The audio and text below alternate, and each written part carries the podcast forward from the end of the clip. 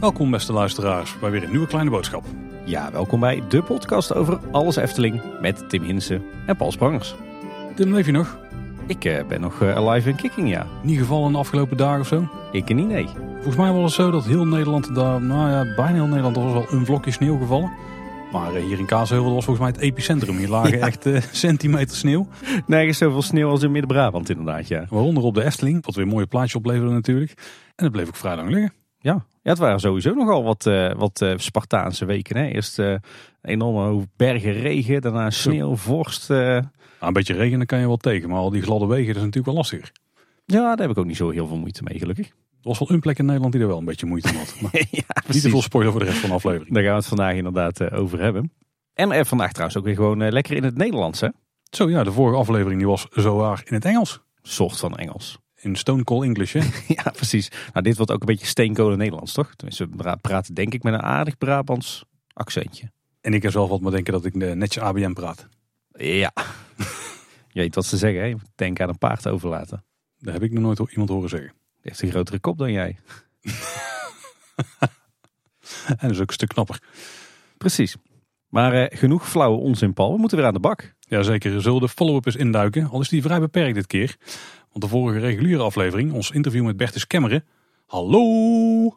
Nou, je hebt eh, talent, Paul. Ja, dat was ons Bert. Maar we kregen daar een, een leuke opmerking over. Want iemand die zag wel overeenkomsten. Ja, nou ja, meerdere mensen kwamen met deze opmerking. Is eh, de Hallo met Wolf van eh, de Trinkel of de Efteling Contact Center. Die Is was ook goed trouwens, Tim. Ja, ja, Ja, zeker. Kijk, we hebben toch nog een klein beetje talent dan. Maar is die niet misschien eh, geïnspireerd op de Hallo van Bertus? Je hebt hem ook eh, in de smiezen. Ehm, nou, ja, ik heb geen idee. Ik, kan me wel voorstellen dat, nou wel, Olaf Fuchs was een van de geestelijke vaders. Die kan het misschien wel eens meegenomen hebben, ja. Ja, die heeft volgens mij wel een, een connectie met, eh, met Bertus inderdaad. Ja. Dus wie weet, het zou zomaar kunnen. Het is inderdaad wel een opvallende overeenkomst. Nou, wie weet gaan we het ooit leren, Tim. Want ik heb gehoord dat Olaf Fuchs mogelijk een boek gaat schrijven. Of tenminste dat er een boek komt over Olaf, laat het zo zeggen. Ja, dat vond ik inderdaad wel eh, verrassend nieuws. Het kwam voorbij in een bijzin op eh, LinkedIn. Want Olaf Vugts die werkt volgens mij aan een biografie in boekvorm. En eh, zijn verhalen over zijn tijd bij de Efteling die worden naar verluid opgetekend door zijn schoonzus Pascal Vugts-Smits. En we weten zelfs, denk ik al wel, hoe het boek gaat heten. Namelijk Olaf, vertel eens. Toch een aardige titel, ja. Ik vond het een, eh, een aardig nieuwtje op, eh, op LinkedIn. Hij is volgens mij verder door niemand eh, opgepikt. Maar nou, ik vind nogal wat dat een oud-directeur van de Efteling zowaar een biografie laat schrijven. Ja, nou wel zeker een, een boek wat ik ga lezen. Want boeken over de Efteling, Tim, die kunnen er niet genoeg zijn. Absoluut. Lijkt me super boeiend. En nou ja, wie weet kan Olaf nog eens een keer zelf komen vertellen over zijn boek hier bij Kleine Boodschap. Dat mag hij zeker komen doen. En misschien leren we dus over waar de Hallo van Wolf vandaan komt. Misschien wel van Bertus. Wie weet. Maar Eerst door naar de hoofdonderwerpen. En dan is Dans Macabre denk ik wel een van de interessantste projecten om te gaan kijken op dit moment in het park. Want dan gaan we nu echt verticaal. Ja, maar we gaan ook de diepte in, hè? Dat is interessant, ja. Ja, laten we eens gaan kijken wat er de afgelopen twee weken aan eh, bouwwerkzaamheden gebeurd is eh, in Huiverwoud. Zoals we het themagebied dan eh, officieel moeten noemen.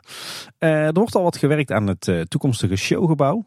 Ze hadden natuurlijk al een, een bouwput gemaakt daar. En dan ze die mooie schroefmortelpalen ingedraaid. En die stond vol met water, die bouwput. ja, precies. Meer een badkuip. Eh, maar een deel van die bouwput wordt op dit moment een stuk dieper uitgegraven.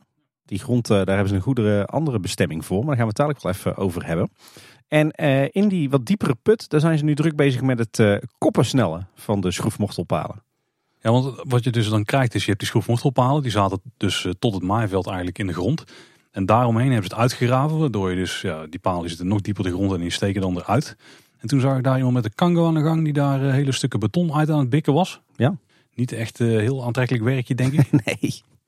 Nee, dat, eh, ik denk dat het op de bouw een van de minst geliefde werkzaamheden is. Ja. Maar dat noemen ze koppensnellen. Want wat, doen ze dan? Gaan ze, die boven, gaan ze dat eraf halen? Of? Ja, meestal is dat als die palen te hoog uitsteken, dan, dan bikken ze er eerst het beton uit en daarna slijpen ze of branden ze de, de wapening eraf. En dan eh, kort je gewoon je, je paal in eigenlijk. Ik heb wel zitten denken van ja, waarom doen ze dat nou eigenlijk? We kregen daar ook een eh, vraag over van eh, luisteraar Bas Verde. En die suggereerde van, eh, van is het misschien makkelijker om die palen op maaiveld erin te draaien en daarna alles af te graven tot op kelderniveau. Dat lijkt me niet heel plausibel, want ik zou zeggen dan graaf je gewoon je bouwput dieper uit en dan rij je gewoon de, de boorstelling de bouwput in. Maar wat natuurlijk zou kunnen is dat een deel van de kelder een stuk dieper wordt dan de rest van de, de kelder of zeg maar de, de onderste verdieping. En dan is het natuurlijk wel logisch om zo te werken, want anders moet je één klein diep bouwputje maken waarin je je boorstelling amper tot niet ingehezen krijgt. En dan moet je daarboven moet je de rest van de schroefmortelpalen erin douwen. Maar als je nou zegt, nou we beginnen op één niveau. We zetten er al die palen in. Vervolgens uh, de plek waar de put wat dieper moet zijn, daar graven we het plaatselijk uit. En uh, tien palen die korten we wat in. Ik, ik had nog zelf een, echt een hele schrale theorie, wat ik dacht dat ze gingen doen. Let op Tim, die komt mijn bouwkundige inzichten. Ik denk ze bikken daar dus uh, de wapening vrij. Dus je krijgt dan die betonnen paal in de grond en, dan een stuk kaal en dan daarboven weer de betonnen paal. Dan vullen ze de grond weer aan tot net boven die, of net onder die, uh, die vrijgemaakte bewapening. Daar storten ze een vloer in, die dan het, vrijgemaakte stuk opvult, zeg maar, zodat het meer één geheel wordt, waar dan die kolommen uitsteken. Leek me vrij onwaarschijnlijk, want dan kun je natuurlijk ook gewoon de wapening erin zetten, tot de kelder storten, uh, daarna weer buizen erop zetten en dan die weer volstorten. Net zo praktisch. Ja, wat, ze dan, wat ze normaal gesproken doen is dat steken natuurlijk uit die schroefmortelpalen steken wel wat stekken van de wapening. En die buigen ze gewoon om in het kistje van de strokenfundering. Oh, zo ja. Dan heb je ook die verbinding. Ik ging er dan dus in mijn theorie vanuit dat die palen wel tot waar ze nu uitsteken ook uit zouden blijven steken. Dat daar bijvoorbeeld uh, het mechanisme op komt voor, uh, voor het ride systeem. Nou, ik denk dat het daar op zich wel iets mee te maken heeft. Want we krijgen hier natuurlijk een bewegend platform. Daar moet natuurlijk een, een gigantische ja, as onder staan met cilinders. Uh, waarschijnlijk ook een grote hydro-unit eronder. Dat zou natuurlijk wel kunnen verklaren waarom ze precies in het midden van de bouwput een dieper stukje kelder nodig hebben. Dat daar uh, die grote as in komt te staan met alle techniek. Ja, of juist, juist zodat ze de hoogte kunnen creëren. Als we die impressie zouden moeten geloven, niet. Nou, hm, we gaan het in de gaten houden in ieder geval. Ik denk dat we er de komende weken vanzelf uh, achter gaan komen. Overigens hebben ze volgens mij in dat dieper stukje kelder nu ook een werkvloer gestort. Want ik zag al wat beton aangerukt worden.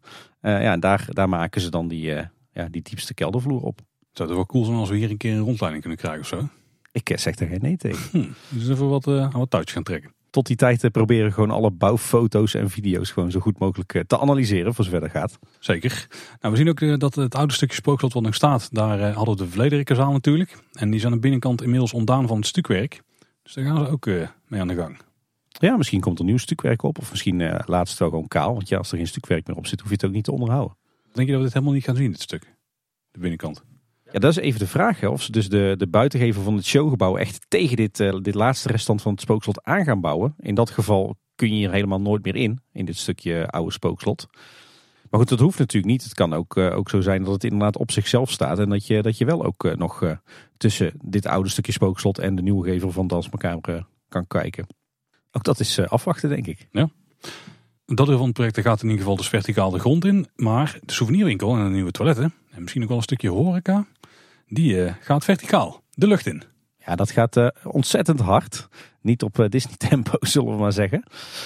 de kalkzandsteenwandjes, zeg maar, de, de, de de binnenwanden eigenlijk, hè? Ja, de binnenwanden die, eh, die schieten echt de lucht in op dit moment. Dat gaat heel snel. En ze hebben vandaag ook eh, een aantal stalen liggers en kolommen geplaatst. Zodat ze wat, eh, wat grotere overspanningen kunnen maken.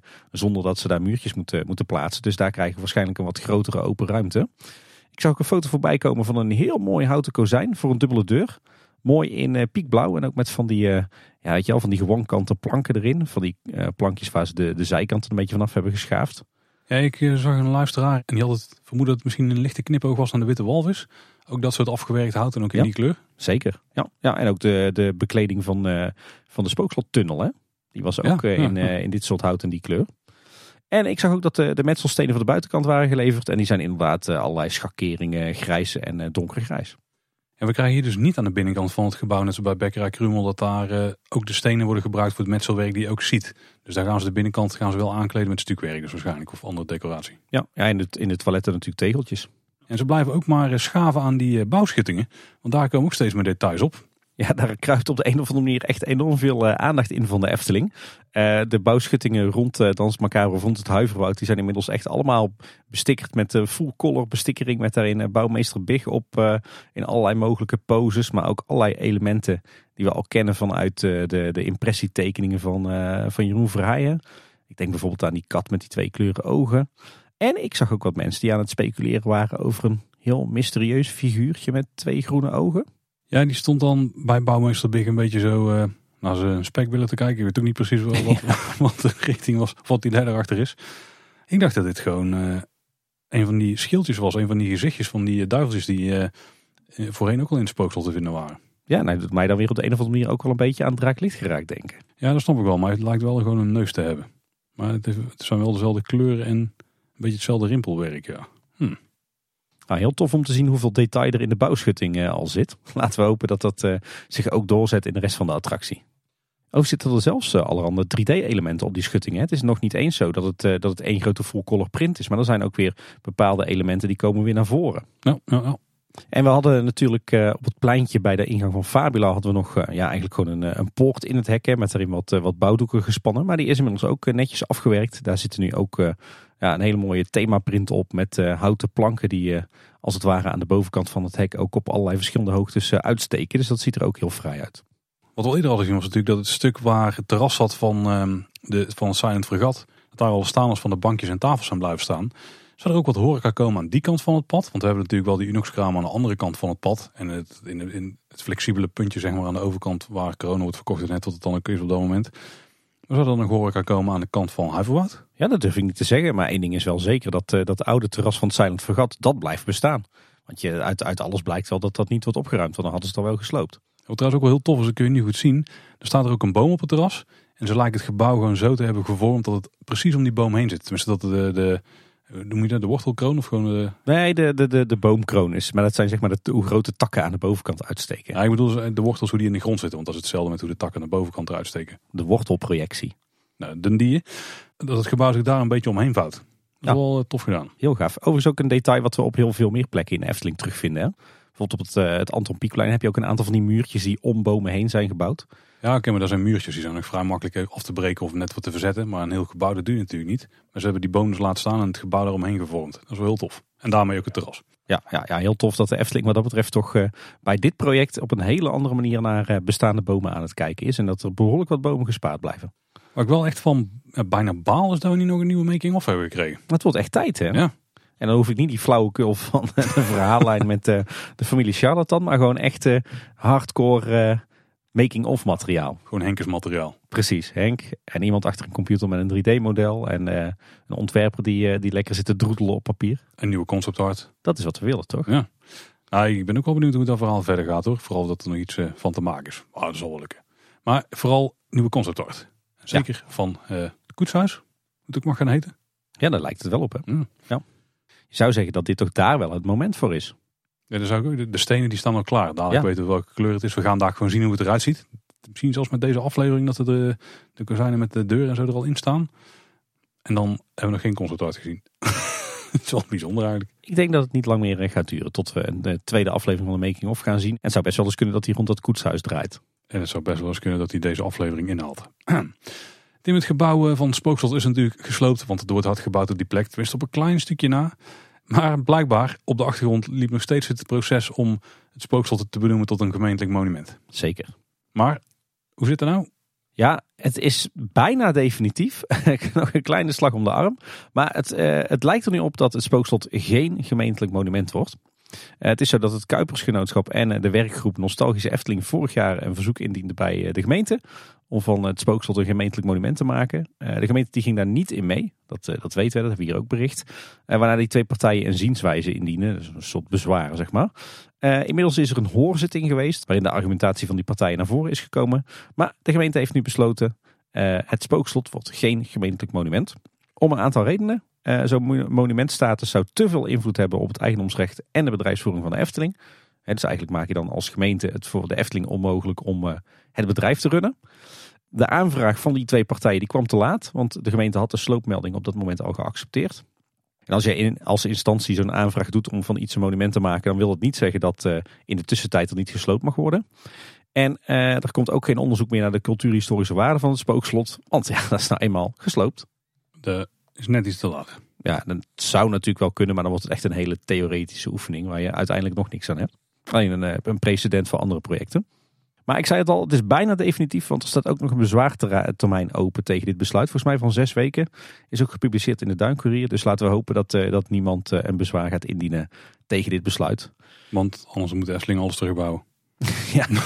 ja, ik weet eigenlijk niet wat dan, wat dan gangbaar is. De Efteling heeft, heeft helemaal niks fout gedaan, want die hebben gewoon netjes een sloopmelding ingediend en zich daaraan gehouden. Dus volgens mij kan je de Efteling tot niks dwingen en ook geen, geen boete geven. Uh, het zou dan alleen kunnen zijn dat je als instantie zegt dat de gemeente niet zorgvuldig is geweest en dat ze iets moeten gaan doen aan, uh, aan erfgoedbeleid of zo. Maar ja, volgens mij is dat, dat de enige winst die nog te behalen valt voor die partijen.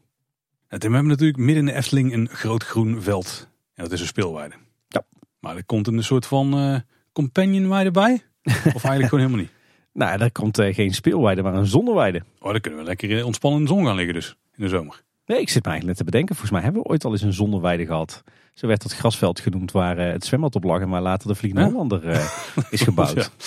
Nou, er komt een, dan een spirituele uh, opvolger daarvan. Of ja. Eigenlijk gewoon helemaal niet. de Efteling die gaat een zonnepanelenweide aanleggen. Ja. ja, ja. En daarmee wederom een gedenkwaardig moment. Want het is de eerste keer dat er echt iets gebouwd gaat worden op de westelijke uitbreiding. Ja, ik had gedacht dat ze daar pas in, een keer in 2040, 2050 aan de slag gingen. Maar inderdaad, de westelijke uitbreiding van het, het park, die wordt voor een heel klein gedeelte al gerealiseerd. Tenminste, een tijdelijke invulling.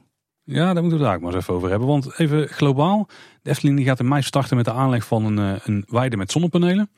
En die komt dus te liggen ten westen van het park, tussen de Eftelingse straat en de Dreefse weg. En om even te duiden waar dat dan precies ligt. Kijk, als je de kaart van de wereld van de Efteling voor je hebt, dan weten we dat we aan de westkant zo'n hele, uh, hele langgerekte strook hebben.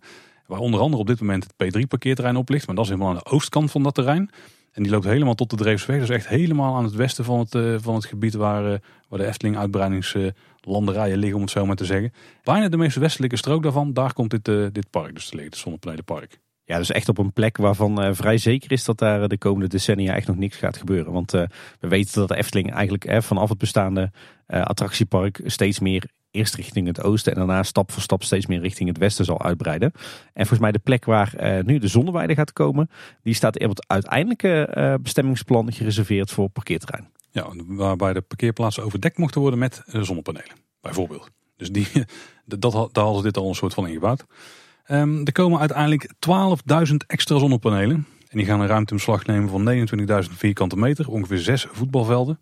En daarmee kan de Efteling straks in totaal 35% van haar eigen energiebehoefte opwekken. Ja, dat was natuurlijk al 20% dankzij de carports op eh, P2. Maar dat wordt nu dus verder opgeplust naar 35%. Wat dat betreft uh, slaan ze hier uh, weer een, een, flinke slag. En de Efteling geeft erbij aan dat de rest van de elektriciteit, dus die 65%, wordt ingekocht. En dat is Europese windstroom, dus die is ook groen. 12.000 zonnepanelen, Tim. Dat trouwens exact evenveel als nu al op de kartpoorts liggen. Ah, oké. Terwijl de Efteling eh, pas in mei gaat beginnen met het, eh, het leggen van die zonnepanelen, zijn ze nu al wel gestart met de voorbereiding eh, van de aanleg van dit terrein.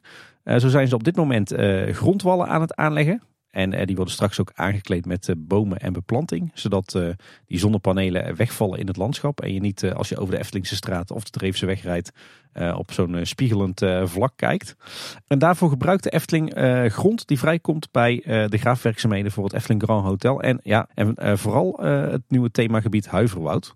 Want ik zie alle tractors met karren met grond op dit moment vanaf de bouwpoort van Dans Macabre rijden. Dus ik denk dat daar de grond vandaan komt. En Efteling moet nog wel een uh, omgevingsvergunning aanvragen. Die wordt binnenkort gepubliceerd.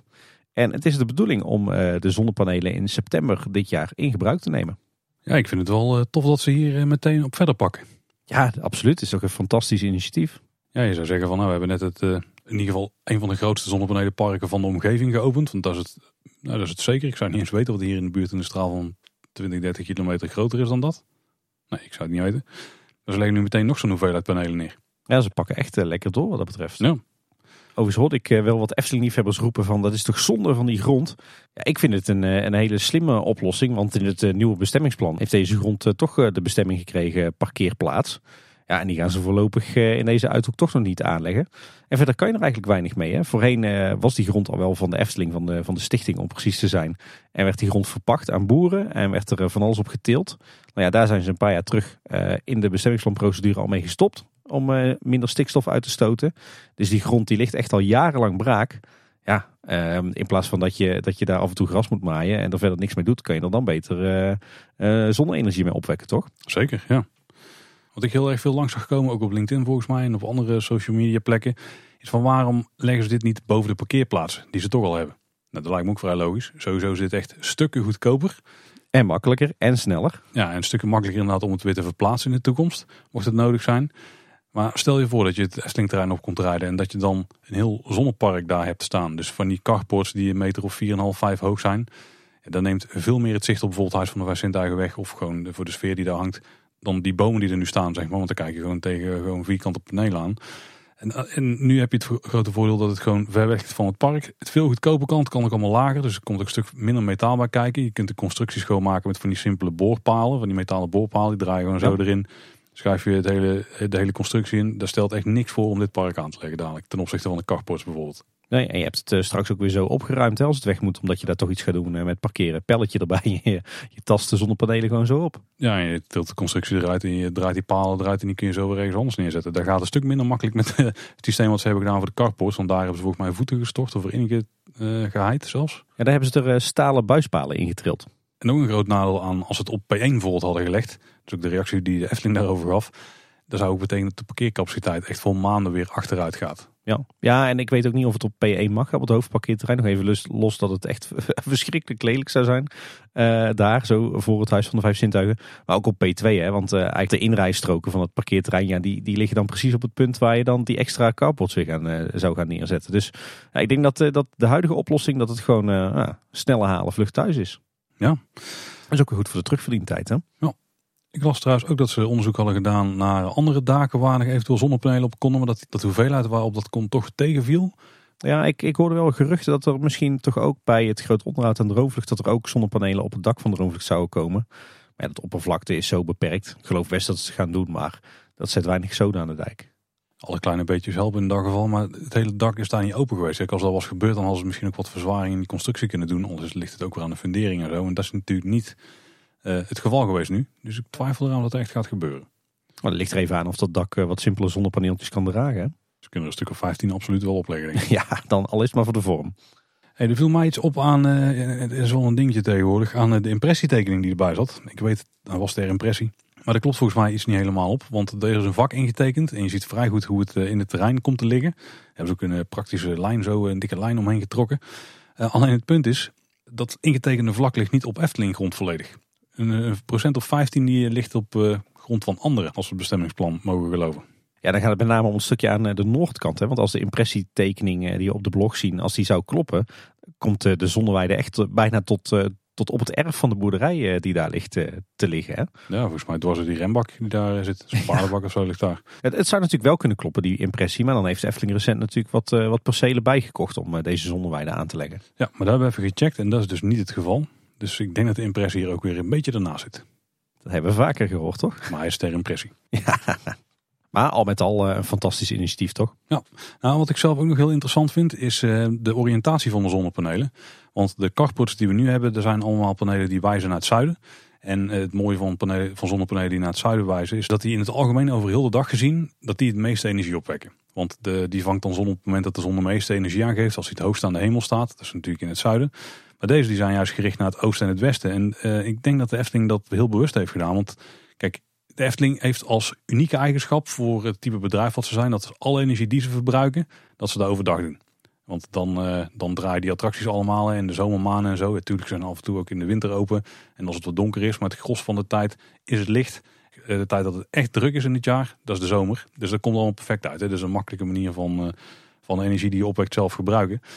Door die oost-west oriëntatie te gebruiken voor deze zonnepanelen, als de impressie klopt, nogmaals, dikke disclaimer tegenwoordig. Stond er ergens een stationnetje op?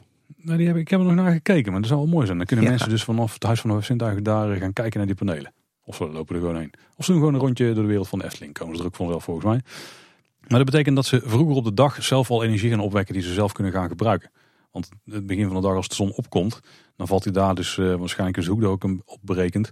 Dan valt hij op de panelen aan de oostkant. En aan het eind van de dag valt hij op de panelen aan de westkant. Waardoor je eigenlijk over een langere periode van de dag meer energie zelf kunt opwekken. En dat is natuurlijk wel slim, want als ze puur gingen voor het meeste energie opwekken, dan hadden ze die ook gewoon naar het zuiden gelegd.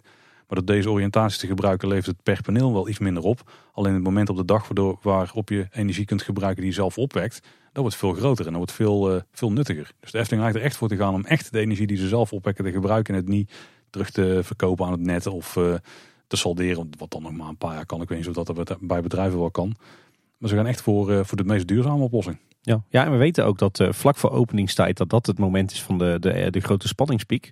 Op het moment dat, dat alle attracties worden aangezet. Het is ook logisch dat je dan juist, juist je, je stroom wil hebben.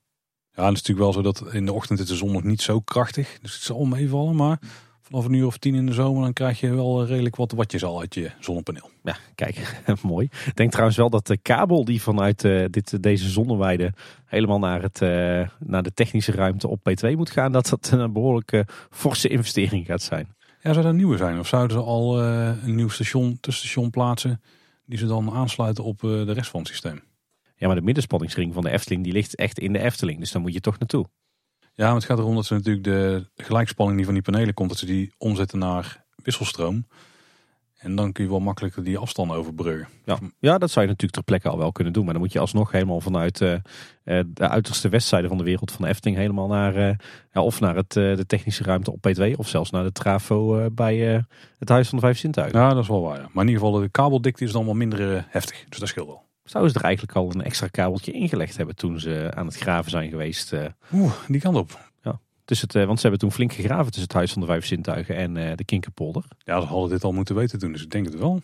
Zou er alvast een stukje kabel in liggen. Of in ieder geval een paar gruwelijke mantelbuizen. ja, nou we merken het anders vanzelf. Ik kreeg ook een bericht van luisteraar Erik en die vroeg, zal de stichting wederom de kosten dragen of het park zelf? Ja, hij zegt wederom, maar ik weet eigenlijk niet of de stichting de kosten heeft betaald van de zonnepanelen op P2. Ja, volgens mij was het een van de duurzaamheidsdoelen van de stichting. Ik vermoed van wel. Ik zeker gezien. Uh... Ik er stond mij bij dat de stichting daar een renteloze lening voor heeft verstrekt. Mm. Uiteindelijk is het een hele rendabele investering, want je verdient je investering gewoon terug. Dus waarom zou, uh, zou de stichting dat geld, daar geld voor geven? Dat is ook een goede vraag, ja. Nou, ik denk in ieder geval dat wat de constructie ook was, dat die hetzelfde is als bij het vorige zonnepanelenpark. Want ja, er zit één verschil in. Want de carports op P2 die, uh, die staan op grond van de Efteling. En deze zonneweide komt op grond van de stichting te liggen. Dus in die zin draagt de stichting er dan natuurlijk wel aan bij. Dat is ook een goed punt, ja. ja. Nou, voor nu even voldoende over de zonnepanelen. Dat is ook weer een project dat we de komende tijd gaan zien. En ik vermoed dat hier de decorateur met zijn kruiwagen decoratiemateriaal iets minder vaak langs gaat komen. Eerder de hovenier. Nou ja, er moeten wel een paar boompjes omheen komen te liggen. Ik vind wel dat hij voor ons wat uit de richting ligt. Dus, ik kom hier niet uh, standaard langs. dus ik moet hier echt voor uh, op de fiets springen om te gaan kijken. Ik wandel nog wel eens een rondje daar langs, maar dan ligt het ook wel echt heel ver van me vandaan. Maar dan kan ik het net zien liggen. Maar ik hoop dat Estel Wesley er ook af en toe langs gaat tijdens de bouw. Ja, en ik zeg dat Niels Kooijman ook al eens gaan kijken. Ah, kijk. Nou, we missen nog wat concept art wat ons betreft bij Dans Macabre en bij het Huiverwoud. Maar bij Panorama hebben we ook nog steeds niks gezien, hè? Nee, we hebben nog geen concept art gezien. Maar uh, de afgelopen weken is er wel iets, uh, iets anders naar buiten gekomen. Wat toch wel nou, enigszins hoopgevend is wat mij betreft. Want uh, Jora Vision, wat denk ik toch wel het meest toonaangevende uh, decoratie- en thematiseerbedrijf van Nederland is. Voor de, eigenlijk de hele, ja hoe zeg je dat, de hele themaparkwereld. Die wordt verantwoordelijk voor de make-over en themed transformation van Panorama, zoals ze het zelf noemen. Uh, niet in opdracht van de Efteling trouwens, maar in opdracht van Vermaat, hè, die uitbater van de Laplace restaurants. Maar daaruit blijkt dus inderdaad dat zij uh, dezelfde opdrachtgever zijn voor de herinrichting uh, van Panorama. Niet de Efteling, maar daar schakelen ze Jora Vision voor in. Ja, dan geeft de burger wel iets meer moed, ja. Ze schreven zelf in het bericht dat we daarover lazen dat het nieuwe restaurantconcept zou worden toegewijd aan sprookjes uit het oosten. Oh, sprookjes van Duizend en Nacht. Ja. En dat we binnenkort meer updates kunnen verwachten. Daar zijn we natuurlijk heel benieuwd naar, want ook hier zat geen concept uit bij. Nee.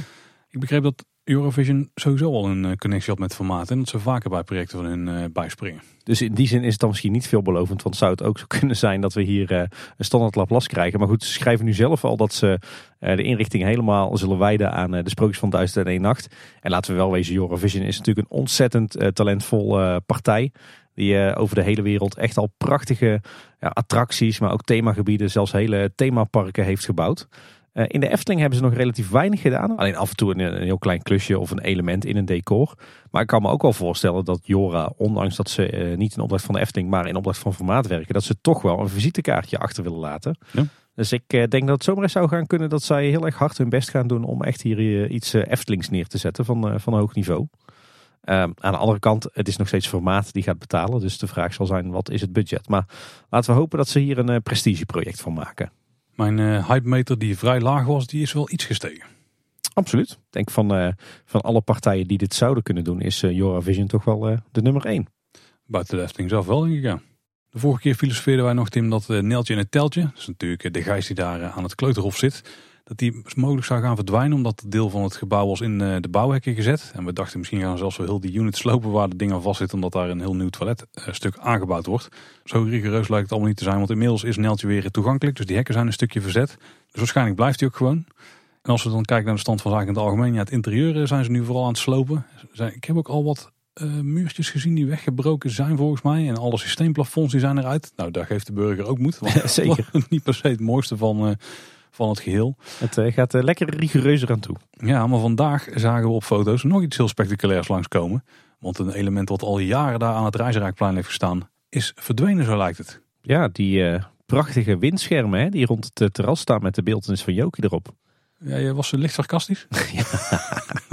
Echt de jaren 80 vibe. Hè? Volgens mij staan die dingen er sinds eh 84. Ja, die zijn inderdaad weg, dus de, nou, die blijven in ieder geval niet zitten. Wat voor de wereld van Simbad vibes wel oké is. Ja. Ik ben wel benieuwd wat we terugkrijgen. Want je zit daar natuurlijk wel uit de wind. Zou zoiets terugkrijgen of zou het iets meer open worden misschien? Ja, of we krijgen windschermen die meer eh, oosters gethematiseerd zijn. Hè? Ik zag wel dat ze heel voorzichtig die dingen aan het verwijderen waren. Dus eh, zouden ze nog ergens terugzien in de Efteling? Ja, hopelijk in het requisiete mag. Hey, trouwens wel iets heel moois. want de oude meubels van restaurant Panorama die zijn niet weggegooid. Maar die zijn door de Efteling wederom geschonken aan de KDC Spullenbank in Kaatsheuvel. Eerder had de Efteling ook al het eh, oude meubilair van het Efteling Hotel aan die spullenbank eh, geschonken. En in de eerste twee weken van februari vindt de openbare verkoop plaats. Eh, dus als jij als individu, maar ook als vereniging ja, behoefte hebt aan eh, tweedehands meubilair tegen een scherp prijsje, dan, ja, dan heb je mogelijk interesse. Ik denk heel tof dat de Efteling niet zomaar alles weggooit, maar dat ze hier een goed tweede leven voor, voor gaan, zoeken. Mocht je nou interesse hebben, lees dan het eh, artikel hierover in de Duinkoerier. En eh, inmiddels weten we dat je de Duinkoerier, ons plaatselijke blaadje, ook digitaal kunt lezen.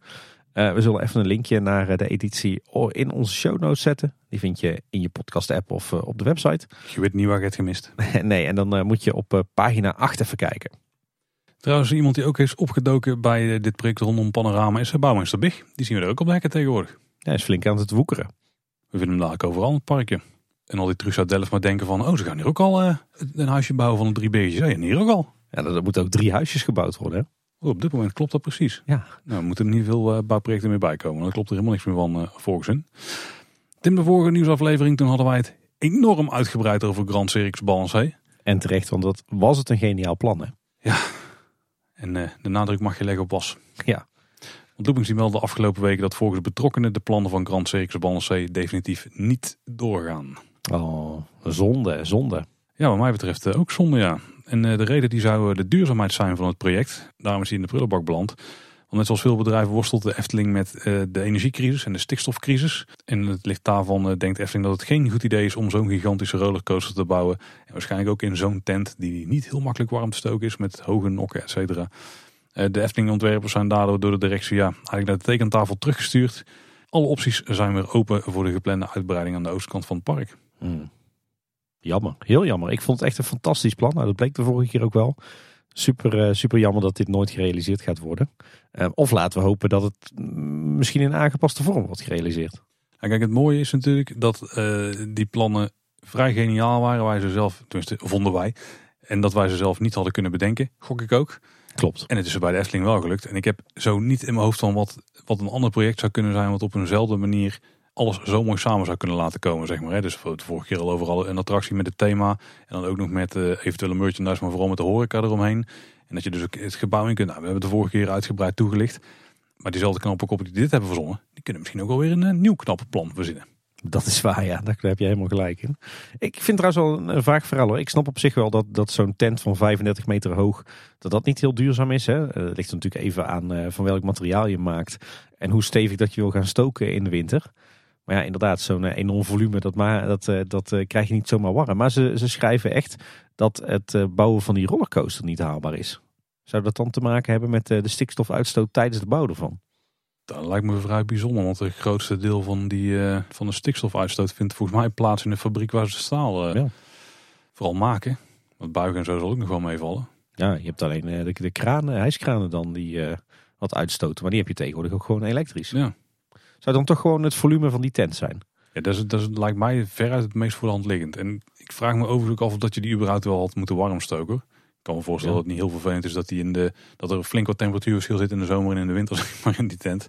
Ja, er zijn misschien wel een paar delen waarin het zonlicht zou staan, dat je die enigszins geconditioned wil hebben. Ja. Maar dat is dan nog wel te doen. Dat is vrij lokaal volgens mij. Ja, op zich alleen maar fijn toch dat als het buiten ijskoud is, dat je niet binnen in een soort van eh, stevig verwarmde tent zit en daarna weer een klap in je gezicht krijgt als je naar buiten loopt. Kun je jas aanhouden. Ja, natuurlijk niet heel veel anders toch dan bij een baron of zo te zien. Het, Nee. het gebouw, ja, die voorshowruimte volgens mij wel, maar het station en zo, ja, daar hangen wat eh, straalkachels denk ik of zo. Dat was het. Ja, volgens mij hangen daar wat stralingspanelen om het personeel warm te houden. Wat de infraroodlampen voor de wieltjes van, eh, van de achtbaan. Maar dat is het dan toch wel. Ja. Mm, Wazig verhaal, wazig verhaal. Ik zou zeggen, bouw Grand Circus Balancé zonder circus tent. Oeh, dus, nou, nee, daar zou ik toch niet voor zijn. Nee? nee. Gewoon alles outdoor. Nee, want dan krijg je juist het geniale van in die tent zitten op een tribune met die horeca en een terrasje daarbij ook en zo. En dan kijken naar de piste.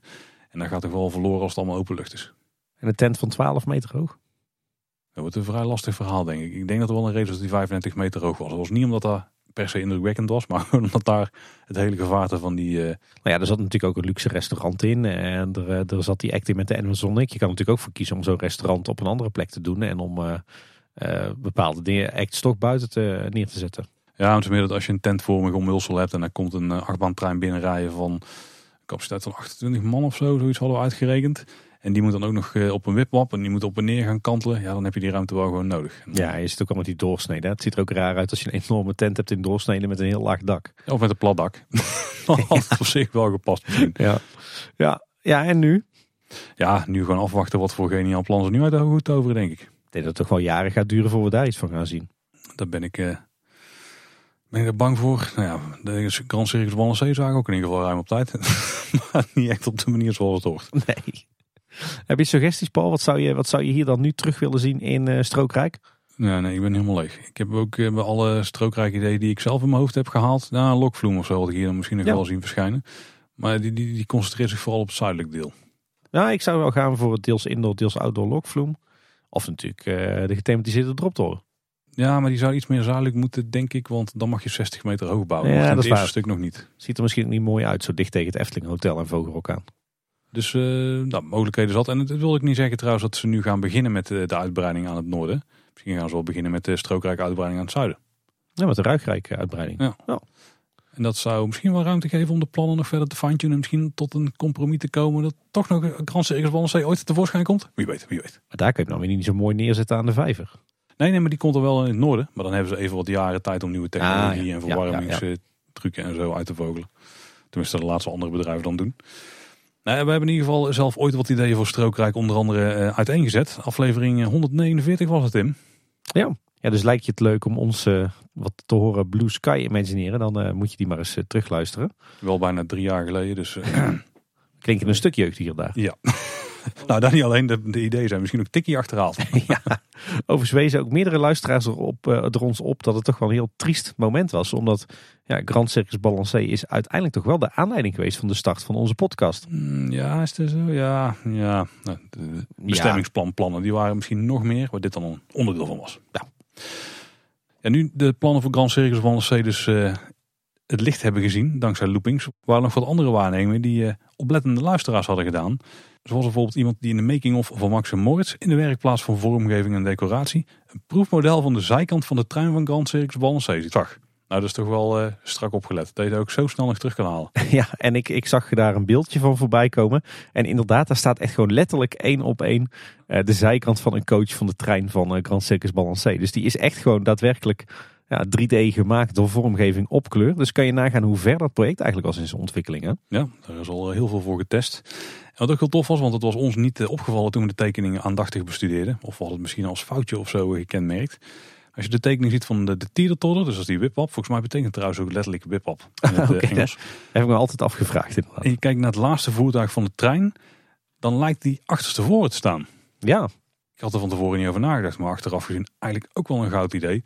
Want uh, het geeft een tweede manier om dezelfde achtbaan te beleven. Het was alleen maar de laatste kar, dus de laatste twee rijen die keken achteruit.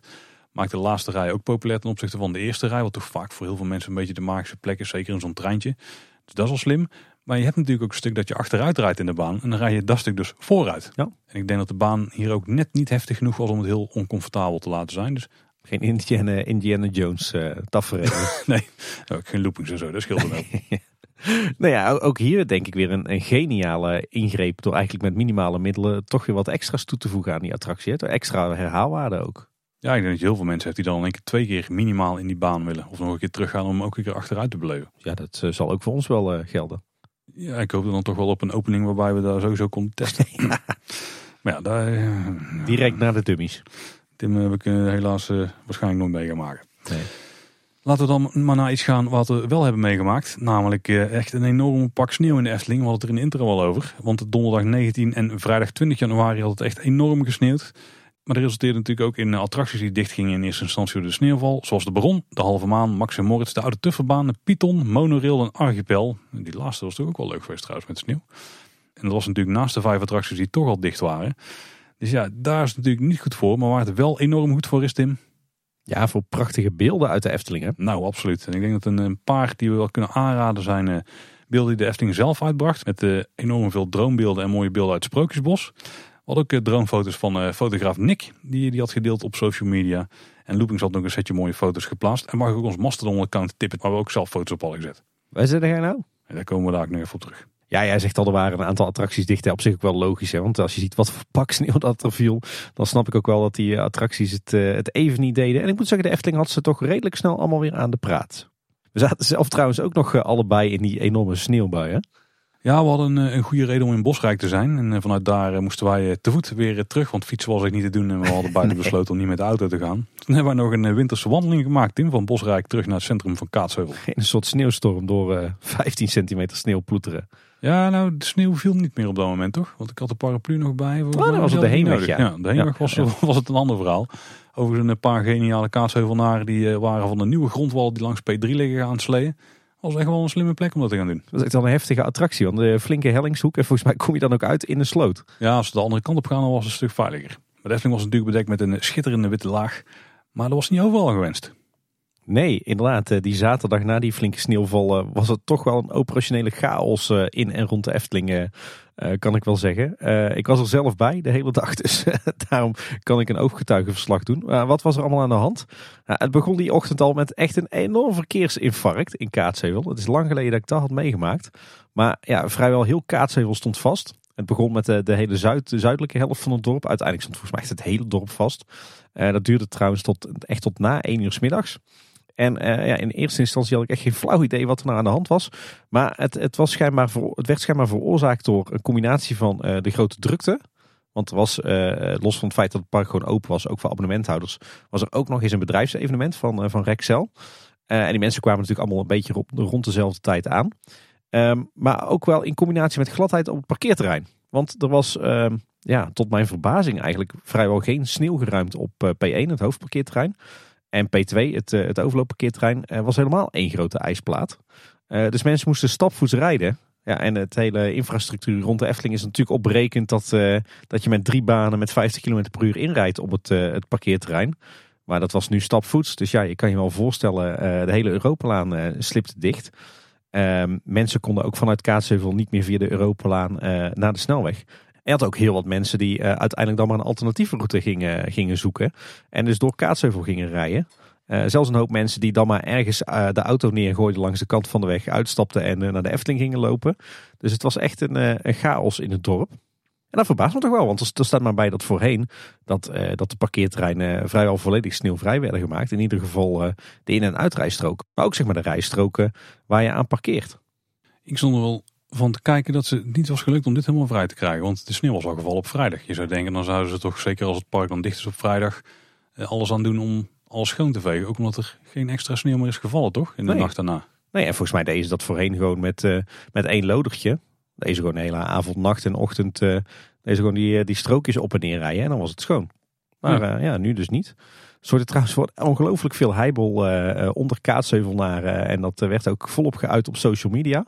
Ja, wat ik zeg, het was echt ontzettend lang geleden dat het hele dorp dicht stond. Maar het was echt, het was echt een, een drama. Maar als er zo'n drama zich afspeelt in en rondom Kaatsheuvel, is er dan niet een alternatief voor?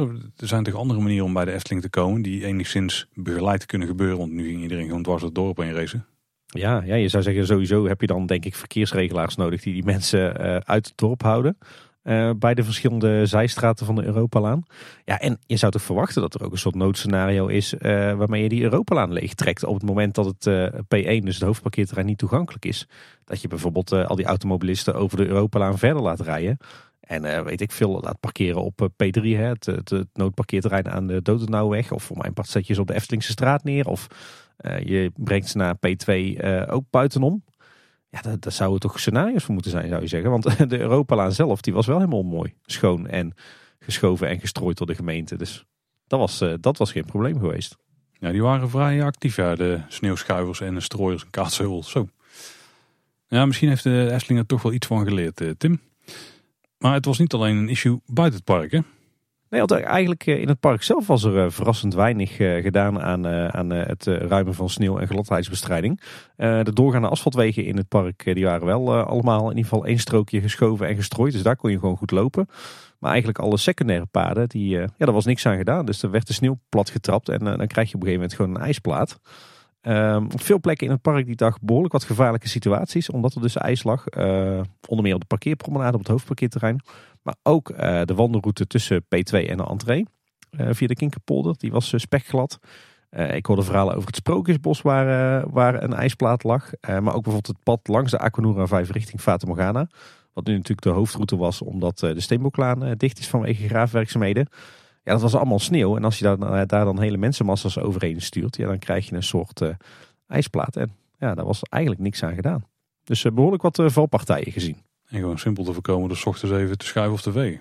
Ja, ja, dat was ook wel bijzonder. Want er werd her en der uh, wel wat uh, geschoven en gestrooid op personeelsleden. Die deden hun best hoor, maar het waren er heel weinig. En ja, met de hand richt je natuurlijk weinig uit gedurende de dag. Ja, ja, ja en zeker als iedereen het al helemaal heeft platgewalst. Ja, uiteindelijk zag ik wel dat ze bij de Aquanura 5 nog een shoveltje hebben ingezet om wat sneeuw te ruimen. Maar dat was ook weer zoiets raars. Dat, dat ding dat reed gewoon tussen de bezoekers op en neer. Terwijl, nou, ik, eh, ik werk in de openbare ruimte. Ik kan je wel vertellen, als ik met een shovel ga rijden, dan moet ik of alles afhekken of uh, vier verkeersregelaars rondomheen zetten voor de veiligheid. Dus ja, dat snap ik. Het verbaasde mij dat, uh, dat dit uh, gewoon gebeurde zonder dat er beveiliging of verkeersregelaars of, of medewerkers omheen stonden om mensen op afstand te houden. Dus ja, een beetje rommelig. Nou, er was wel één lichtpuntje, Tim. Er was ook weer een, nieuwe post voor het account De Wereld Vol Sandwichborden. ja. Want ik zag op social media een mooi bordje langskomen. Pas op, glad. Ja, er werd al, al uh, gegrapt inderdaad. Dat uh, door dat bordje op het voorplein te zetten, dat de Efteling daarmee uh, eigenlijk ja, genoeg had gedaan. Ja, dat ze zichzelf hadden ingedekt. ja, zo van, ja, er staat toch een bord voor de entree. Ja, dat had ik wel een paar iets meer sympathieke borden. Want je had, er waren dan geen sandwichborden, dus dat was een beetje jammer. Maar je had van die ja, dranghekken die de Efteling heeft, van die piekblauwe. En daar stond op, kom niet achter dit hek, er kan sneeuw van het dak vallen. En die stonden bij het Huis van de Vijf Zintuigen bijvoorbeeld. Ja, heel mooi vormgegeven. Dat waren bijna borden. Dat is wel opvallend, want uh, die hekken die eh, staan daar wel vaker. Alleen nu voor het eerst inderdaad bordjes erop die uitleggen waarom dat je daar niet in de buurt mocht komen. En, en ook nog eens zo vrij vormgegeven. Echt heel mooi. Maar goed, operationeel was het dus wel een drama. Ik moet ook zeggen dat, dat de capaciteit ook wel tekort schoot omdat het zo druk was. Wat je, wat je heel erg goed merkte die dag is dat de panorama natuurlijk al dicht is. Ja, het witte paard puilde uit. Want iedereen wou natuurlijk even binnen zitten, iets, iets warms eten en drinken. Maar ja, als panorama dicht is, dan blijft er bar weinig over. Ja, ze hadden misschien, ja, het is natuurlijk helemaal niet praktisch en het ziet er niet uit, maar ze hadden bijna nog een soort van inloopbuffet ding kunnen fixen in een oude wachtrij van Vogelrok of zo. Ja, of in, uh, binnen, binnen meandering van Droomvlucht. Ja, ja, er is ook niks alternatiefs. Hè. Zal er bij wijze van spreken was je les neer kunnen zetten. Ja, misschien denken ze mensen kunnen toch naar de warme winterweide gaan, maar... Ja, maar mensen hebben toch behoefte om even binnen te zitten. En in die zin, ja, vraag je dan ook af waarom is uh, Panorama op 9 januari dichtgegaan. Dan hadden ze eigenlijk niet beter kunnen wachten met zo'n uh, zo'n grote verbouwing tot de zomer. Hm. Ja, dan heb je ook je capaciteit nodig. Maar dan, dan gaan mensen natuurlijk gemakkelijker lekker buiten eten. Ja, dan kun je daar eventueel wat kraampjes neerzetten. Zo. Ja. Hetzelfde zou je ook, ook die vraagteken zou je trouwens ook bij, kunnen zetten bij de sluiting van Droomvlucht. Hè? er lagen nu natuurlijk heel wat attracties uit vanwege de sneeuw. heel begrijpelijk, dat is gewoon overmacht. Want ja, iedereen snapt wel dat bepaalde attracties niet kunnen draaien als er sneeuw ligt. Maar in die zin is het eigenlijk logischer om je binnenattracties in de zomer in onderhoud te doen en niet in de winter. Ja, dat hebben we volgens mij al vaker aangekaart. Maar zeker waar, ja. Maar jij was het dus heel de dag, Tim. Heb jij er dan last van gehad, van die gladheid en? Ja, die vraag kreeg ik van, uh, van veel luisteraars. Van, uh, je moet iets zaniken en, uh, en als je het allemaal een probleem vindt, dan blijf je toch lekker thuis. En, maar goed, het punt is, ik heb er zelf geen enkel probleem, probleem mee.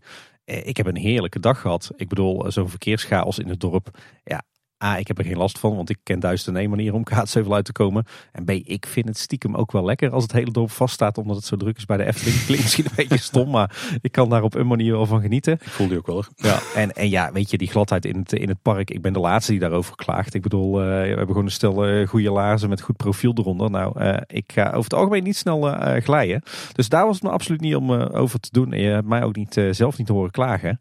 maar ja, wat ik altijd wel probeer, als, eh, als abonnementhouder en als fan, maar ook als podcastmaker, is ja, kijk ook eens door de ogen van de bezoeker.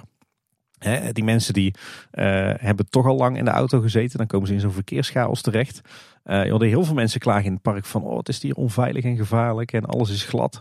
Uh, zijn dan vaak wel mensen die op hun, hun witte sneakertjes naar de Efteling komen... als het gesneeuwd heeft. Daar kan je natuurlijk ook je, je vraagtekens bij zetten. Maar goed, ja, de Efteling die betoogt natuurlijk overal... dat ze gaan voor dat 9 plus niveau.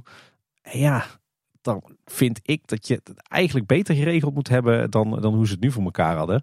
Um, ondanks dat er natuurlijk sprake was van, eh, van de samenloop van omstandigheden en overmacht door die sneeuw. Maar ja, je zou toch zeggen dat ze daar toch ook al op voorbereid moeten zijn. Dat daar scenario's voor moeten klaarliggen. En ja, gaat het dan alsnog mis dat er toch iets van actie wordt ondernomen om de grootste ellende te verhelpen. Terwijl, ja, ik had die zaterdag echt het idee dat, dat men er heel gelaten mee omging. Zo van, ja, het is nou eenmaal zo. Uh, het is nou eenmaal glad en daar kunnen we nu toch niks meer aan doen. Het was ook vrij duidelijk voorspeld. Het was niet dat het verrassing was of zo. Twee dagen van tevoren was het duidelijk van nou, er komt vrijdag enorm veel sneeuw. Er wel een klein beetje klaar kunnen staan van apparatuur. Of, of gewoon mensen die het konden verhelpen. In ieder geval het konden opruimen voordat het een groot probleem ging worden. Ja. Ja, ja, en ik heb ook de indruk, ik ben natuurlijk heel vaak in de Efteling geweest met allerlei weersomstandigheden, dat, dat als er dan zoiets gebeurde, dat het dan uh, één grote drukte van belang was uh, in het park. Met, mensen die ook echt het mandaat hadden om dingen te regelen. Hè, dus directieleden of, of managers die echt konden zeggen van, we gaan nu met z'n allen daar sneeuw ruimen of we sluiten hier plekken af. Of we doen tijdelijk winkels niet open, zodat die mensen kunnen sneeuw ruimen. Nou ja, moet ik het zeggen, ik kreeg nou niet echt het gevoel dat er nou heel erg veel actie werd ondernomen om, uh, om die gladheid in het park uh, aan te pakken. Ja, ik weet niet wat dat dan is. Mis je dan gewoon uh, ja, mensen in het park die, die dan zeg maar daadwerkelijk het mandaat hebben om dat soort dingen te beslissen? Of zou er dan zoveel personeel tekort komen of zo dat hier echt gewoon niks voor te regelen was? Maar dat lijkt me toch sterk. De Efteling heeft zat materieel om het zelf volgens mij voor een groot deel gewoon op te lossen. Ja. Dus het zat denk ik, het zit deels gewoon een stukje overmacht. Maar het zat toch zeker in de, in de voorbereiding. Maar ook het crisismanagement op de dag zelf, ja, dat, dat was er voor mijn gevoel gewoon bijna niet. Ja. ja. En dan kan je zeggen, ja, ach, overmacht kan gebeuren. En ik zeg al, ik had er zelf geen enkele last van. Maar ja, hè, we weten, eh, het is nog maar even de vraag of de Efteling eh, kan doorgroeien tot boven de 5 miljoen bezoekers. Dus ze zeggen zelf al, we gaan echt voor die 9 plus. Ja, dan vind ik dat je ook op dit soort momenten wel iets meer, allemaal een lelijk woord gebruiken, iets meer eager mag zijn om, om zo'n situatie op te lossen.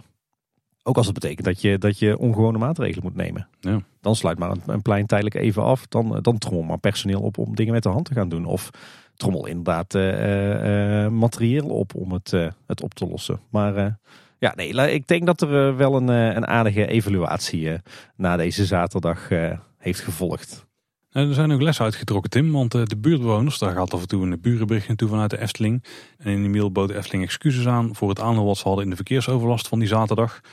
Ze schrijven dat de combinatie van sneeuw, regen en vorst zorgde voor een situatie waarbij onze strooimaatregelen onvoldoende effect hebben gehad. Ik denk dat alleen strooi misschien ook wel te weinig was. De bevroren sneeuwresten zorgden voor gladheid op onze parkeerplaats en hierdoor was het parkeerterrein niet goed toegankelijk voor onze bezoekers. Dit zorgde ervoor dat het oprijden en parkeren niet snel genoeg verliep, wat een van de oorzaken was voor de drukte op de Ropelaan. Veel bezoekers gingen met behulp van de navigatie op zoek naar een alternatieve route. En die routes leidden vaak door diverse straten van Kaatsheuvel, waardoor het ook daar drukker werd. Verder vervolgen ze op korte termijn vindt er een interne evaluatie plaats, waarbij de situatie van afgelopen weekend wordt besproken. De situatie van afgelopen weekend leggen we ook voor aan de gemeente, zodat we gezamenlijk naar oplossingen kunnen zoeken voor het verbeteren van de verkeersstromen tijdens extreme weersomstandigheden. Met de gemeente en provincie willen we voorkomen dat de bezoekers via alternatieve routes het park bereiken. Probeer het ook onder de aandacht te brengen bij partijen die navigatiemiddelen aanbieden. Hm, ben benieuwd wat dat wel uithaalt. Onze invloed op dit proces is helaas beperkt, zeggen ze zelf ook. Ja. Nou ja, wel, wel heel mooi, heel netjes dat ze, dat ze eigenlijk vrij kort nadat dit heeft plaatsgevonden, nou, toch best wel door het stof gaan en excuses aanbieden voor, uh, voor al die overlast in, uh, in Kaatsheuvel. Ja, ik zeg, ik heb een heerlijke dag gehad. Echt enorm genoten van alle sneeuw in de Efteling en hoe prachtig het park er dan bij ligt. Maar ja, ik denk dat er zowel in de voorbereiding als, als in het crisismanagement nog wel wat, wat puntjes zijn waarop het allemaal wat aangescherpt mag worden. jij zegt genoten van hoe mooi het park erbij lag, maar er was een Rexel evenement. Ja, ik moet zeggen dat uh, dat hadden ze ook wel goed voor elkaar. Uh, die mensen die werden opgevangen op het theaterplein. Dat was helemaal afgezet met hekken. En eigenlijk uh, als, als gewone bezoeker aan de Efteling zag je daar helemaal niks van. Ja, er stonden wat, drang, of wat, wat bouwhekken op het theaterplein. Maar er was ook geen enkele vorm van signing voor Rexel. En ook in het park zelf was niks te ontdekken. Dus ja, dat was heel netjes. Hm, zo kan het dus ook. Ja, een beetje jammer. De dag erop was het, uh, was het Unox-dag. Uh, toen waren natuurlijk onze abonnementen niet geldig. Maar toen zag je wel weer dat echt het hele park aangekleed was met, uh, met Unox-signing. Ehm, voor ons niet zo erg, maar ja, we hebben het al eerder gezegd, er lopen natuurlijk ook gewoon mensen door het park die gewoon een kaartje gekocht hebben of die op de verblijfsaccommodatie zitten. En ja, je moet je dan toch afvragen, eh, wil je dat die mensen de Efteling zo zien? Ja, en bij al die plekken waar je broodjes worst kon kopen, hadden ze ook zoals Unox borden opgehangen. Jongen, jongen, jongen.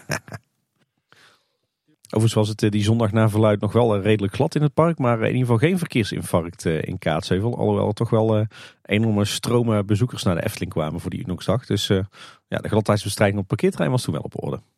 Het zat er nog niet helemaal goed met de gladheidsbestrijding in de Efteling. Maar hoe zit het met de onderhoud, Tim? Hadden het er wel goed voor elkaar?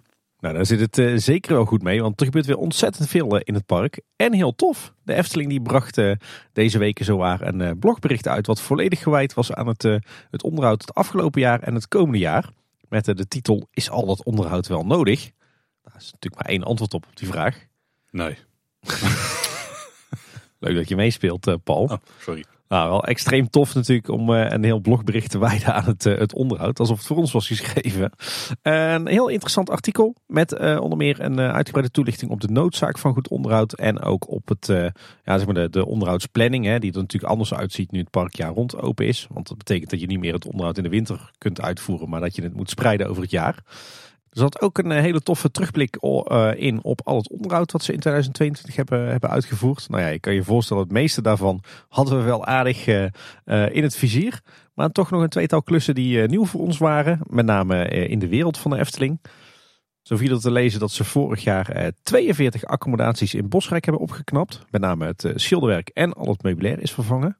En overigens heeft ook dat meubilair een heel mooi tweede leven gekregen, weet ik uit eigen ervaring. Uh, en ze hebben negen themasuites in het Efteling Hotel opgeknapt. Die had ik even helemaal gemist. Um, en daarnaast hebben ze ook nog badkamers vernieuwd in de Roodkapjessuite en de Vergulde suite. Dus uh, ook uh, aardig wat, wat onderhoud in de verblijfsaccommodaties. Maar wat natuurlijk vooral interessant was, was wat gaat er gebeuren in 2023. Al ik de indruk heb dat dit met name de werkzaamheden voor het voorjaar zijn. Nou, eigenlijk drie grote onderhoudsklussen. er zijn werkzaamheden op het Anton Pieckplein tot en met april. Ik vraag me even af wat dan. Want ik stond van de week nog te kijken. Volgens mij ziet het plein er prima uit. En eh, ik hoop toch niet dat uh, de kinderkoppen eruit gaan. Want dat zou wel uh, ontzettend zonde zijn. Maar zou het dan misschien zo zijn dat ze hiermee doelen op de vervanging van de kleine zweefmolen? Daar lijkt mij voor hand liggend, ja. ja. daar hebben ze een bouwvergunning voor. Dus dat moet toch een keer gaan komen. En dat is ook gewoon op het Anton Pieckplein. Dus wie weet bedoelen ze dat, dat daarmee. En ik ga me later nog een blogbericht krijgen over dat project zelf. Wat ik ook wel interessant vond om te lezen is dat het Herautenplein, natuurlijk de mooiste plek in de Efteling, eh, vanaf maart een renovatie krijgt. Waarbij onder andere de bestrating wordt vervangen. Oeh. Die, uh, dat is wel, uh, die is wel tricky. Laten we hopen dat ze dan niet de, fout maken die ze in het Lavelaar hebben gemaakt. Door alle karakteristieke bestratingen eruit te halen en er een strak rood vloertje in terug te straten. Want daar kan ik nog steeds niet aan wennen. Dit is wel de kans om iets te doen aan die wanden achter de Herauten die muurtjes daar, daar kan wel iets, eh, die kunnen wel wat liefde gebruiken. Zeker, zeker. Ja, en ik denk dat, dat de flagstones eh, ook gaan eh, worden vervangen. Hè. In, die, in die hoekjes waar de bankjes zitten, die mogen inderdaad ook al een beurtje krijgen. Maar laten we hopen dat ze vasthouden aan die authentieke bestrating. Maar dat zijn natuurlijk allemaal peanuts, Tim. Vergeleken met het andere project. Ja. Want de Pallenstoelengroep in het Sprookjesbos, die gaat in ere hersteld worden. Wauw. En daar krijgen we binnenkort meer info over. Zelfs dat gaat gewoon door, hè? Ja, en dat is voor mij ook goed nieuws. Puntje voor de glazen bol. Zeker. Ik, ik wist niet of ik hier nog op had durven hopen. Ik hoop, nou ja, ik hoopte het wel, maar ik wist niet of, het dat, dit, of dat dit nog echt ging gebeuren. Ik ben benieuwd of het echt gewoon één op één terugkomt. Of dat er misschien nog een paar plusjes gaan plaatsvinden. Efteling kennen, er wordt wel iets geplust. Maar goed, dat het feit dat het in ere wordt hersteld, eh, wil toch wel aangeven dat ze toch heel dicht bij het origineel zullen blijven. Ja, ik denk dat het de eerste keer is dat onze jongste er doorheen kan rennen. Nou, dat is misschien al een keer gebeurd vroeger trouwens.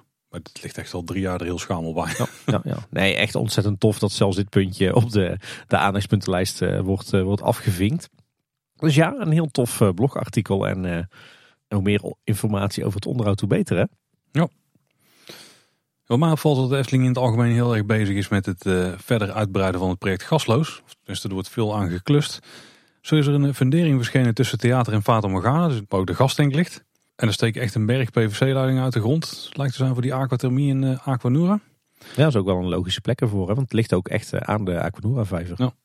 Maar ook achter Fata Morgana is inmiddels een zware fundering neergelegd. Ook voor het Flink gebouw. Dus op die plek waar we al een paar keer over hebben gehad. Ook daar steken echt een enorme lading pijpen, de PVC-pijpen de grond uit. Flink ingepakt ook. Er zit een flinke bas isolatie om die buizen heen. Zal ook wel zijn voor het warmtekader opslagsysteem. Zeker. En dan bij de steenboklaan, die ligt gewoon weer voor een heel groot deel open. En daar lijkt nu een riolering in te gaan.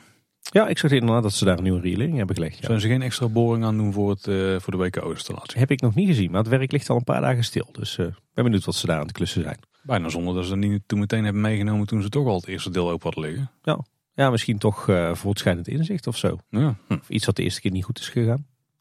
Ja, en dan gaan we beginnen aan ons uh, gebruikelijke rondje park langs alle onderhoudspuntjes. Uh, goed nieuws bij Symbolica, want uh, Pardoes in de voorshow heeft nu eindelijk ook weer een nieuwe twinkeltoort. En die ziet er prima uit. Hoppa. Dan door naar het andere rijk, naar Fata Morgana. jammer genoeg keren daar toch wat vochtproblemen terug. ze hebben natuurlijk in de herfst de hele buitenmeandering opnieuw gesausd, zowel de wanden als het plafond. Ik vroeg me toen al af of het voldoende zou zijn om alleen te sausen. Want je ziet inmiddels toch weer de vochtkringen terugkomen in, uh, in die plafonds daar, in de wachtrij. Oh Jammer. En het viel me ook op uh, in de opstaphal van de Fata Morgana. Daar heb je die gaande rijen waar je zeg maar rond het water loopt als, uh, als bezoeker. Dat plafondetje dat is van, volgens mij van spaanplaat of zo, wat is geschilderd. Alleen ehm, in de winter dan heb je daar ontzettend veel condens. Ik denk dat het, het dak daar heel niet geïsoleerd is, dus dat het heel koud wordt. Uh, maar heel veel van die platen die beginnen nou te schimmelen. Omdat ze dus zo nat zijn. Dus uh, ook daar hebben ze wel iets met, met vochten te doen. Dan in de attractie zelf goed nieuws. Want het, het prachtige fonteintje in de havenzenne bij de tijgers. Die werkt eindelijk weer. Die heeft lange tijd heeft daar geen water in gestroomd. Is heel tof dat ze dat gemaakt hebben. Um, alleen op het voorplein van de gevangenis moet de poppendokter even aan de slag. Want de opstaande man die is defect. En ook de fluitspeler speelt geen fluit op dit moment. Bij Max Morris is ook een element teruggekeerd, namelijk de boomknaller. Er stond natuurlijk een kistje in de wachtrij, dus dat een soort bijna een fietspomp op. En dan kon je een drukmeter oppompen. En dan op een gegeven moment ging de, de plofpot in het water, die spoot dan een, een dot water omhoog. Die is nu dus helemaal terug. Volgens mij is het leidingwerk wat eraan vast zit ook voor een groot deel opnieuw gedaan. Of in ieder geval opnieuw gedecoreerd. Maar uh, niet heel onbelangrijk, hij is helemaal uitgevoerd in 3D. In plaats van uh, dat er wat stickerfolie met plankjes opgeplakt is. Ja, ik weet nog wel uit de tijd van de opening van Max Moritz... dat heel veel Efteling liefhebbers er inderdaad over vielen... dat bij Max Moritz op een aantal plekken ja, er niet voor was gekozen voor realistische decoratietechnieken... maar voor bestikkering. En blijkbaar hebben ze dat zichzelf aangetrokken. Want ja, de huidige kist van de boomknal die is echt helemaal gewoon vormgegeven in, in polyester.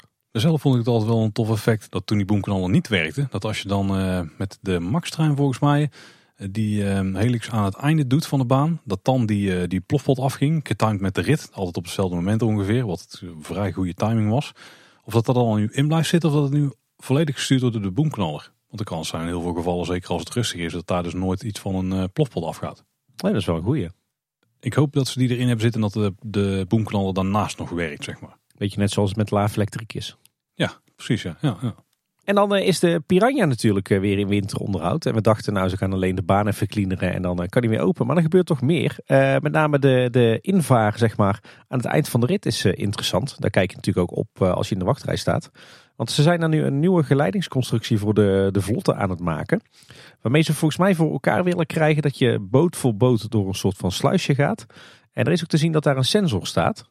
Dus ik ben benieuwd, is het misschien zo dat ze uh, de, de lift die je daarna hebt, hè, die de bootjes omhoog takelt de opstaphal in, dat ze die misschien uh, met een bewegingssensor gaan laten werken, zodat die niet meer onnodig uh, draait en dus ook niet onnodig energie verbruikt. Dat is een goede, zou dat de reden zijn? Want er is toch al een methode dat niet alle boten tegelijkertijd op dat ding terechtkomen, dus even worden vastgehouden in ieder geval. Ja, klopt. Maar er zit hier echt, ja, dus ze hebben echt bewust een soort van ja, trechterconstructie gemaakt. En er staat een, een sensor. Dus er wordt iets bewust gedetecteerd. Het zou zomaar kunnen. Het zal best een krachtige motor zijn, denk ik, die de boot omhoog takelt daar. En als we het trouwens toch hebben over die, die lift of de transportband eigenlijk. Die wordt op dit moment ook vernieuwd. Daar gaan volgens mij nieuwe planken op. En we kregen een vraag over de Piranha. Misschien dat het goed is om die er even in te fietsen op dit punt. Die kregen we van Bertje via Mastodon. Hè? En hij vraagt, wat doet de Efteling met het water uit bijvoorbeeld Piranha en de Vliegende Hollander tijdens onderhoud? Waar blijft het en hoe krijgen ze het zo snel weg? Nou ja, er is maar één goed antwoord van de kleine boodschap bingo kaart. Hé, hey, dan moet het het klaterwatersysteem zijn. Precies, precies. Ja, wat was normaal gesproken de bedoeling? Uh, in de Efteling heb je natuurlijk een heel aantal waterpartijen die allemaal met elkaar in verbinding staan. Allemaal andere niveaus en die kun je onderling regelen. En wat ze normaal gesproken doen als ze weten dat er water uit een attractie gaat, is dat ze eigenlijk van tevoren het water in de vijvers rond die attractie wat, wat laten zakken. Uh, dat kan bijvoorbeeld totdat ja, al die vijvers zijn een klein beetje lek. Dus langzaam maar zeker zakt dat water erin weg. Normaal gesproken uh, voeren ze zeg maar, extra water uit het klaterwatersysteem aan. Nou ja, dat kunnen ze natuurlijk even stilzetten. En daarmee creëer je eigenlijk wat meer opvangruimte in die vijvers. En als dan zo'n uh, attractie wordt leeggetrokken, dan, uh, ja, dan sluizen ze dat water eigenlijk gewoon door naar die vijvers om die attractie heen. En dat zie je dan ook, want ja, dan valt op dat in eerste instantie een vijver extreem laag staat voor je gevoel. En uh, een aantal dagen later staat hij ineens extreem hoog. Dus ja, ze brengen dat water normaal gesproken naar de andere vijvers in het klaterwatersysteem. Kijk, nou hopelijk heeft Westje daarmee antwoord. Is het wel zo dat ze af en toe ook wat andere dingen doen? Ik heb het een keer meegemaakt met Fata Morgana toen hij volgens mij versneld leeg moest. En ook met Aquanura toen hij versneld leeg moest omdat er blauwalg in zat. Uh, ik heb ze ook wel eens gezien dat ze de inhoud van de Fata Morgana dumpten in het Duits bosje. Dat werd toen een soort moerasbos. Lagen er gewoon allerlei brandweerslangen over de Kinkerpolder het bos in.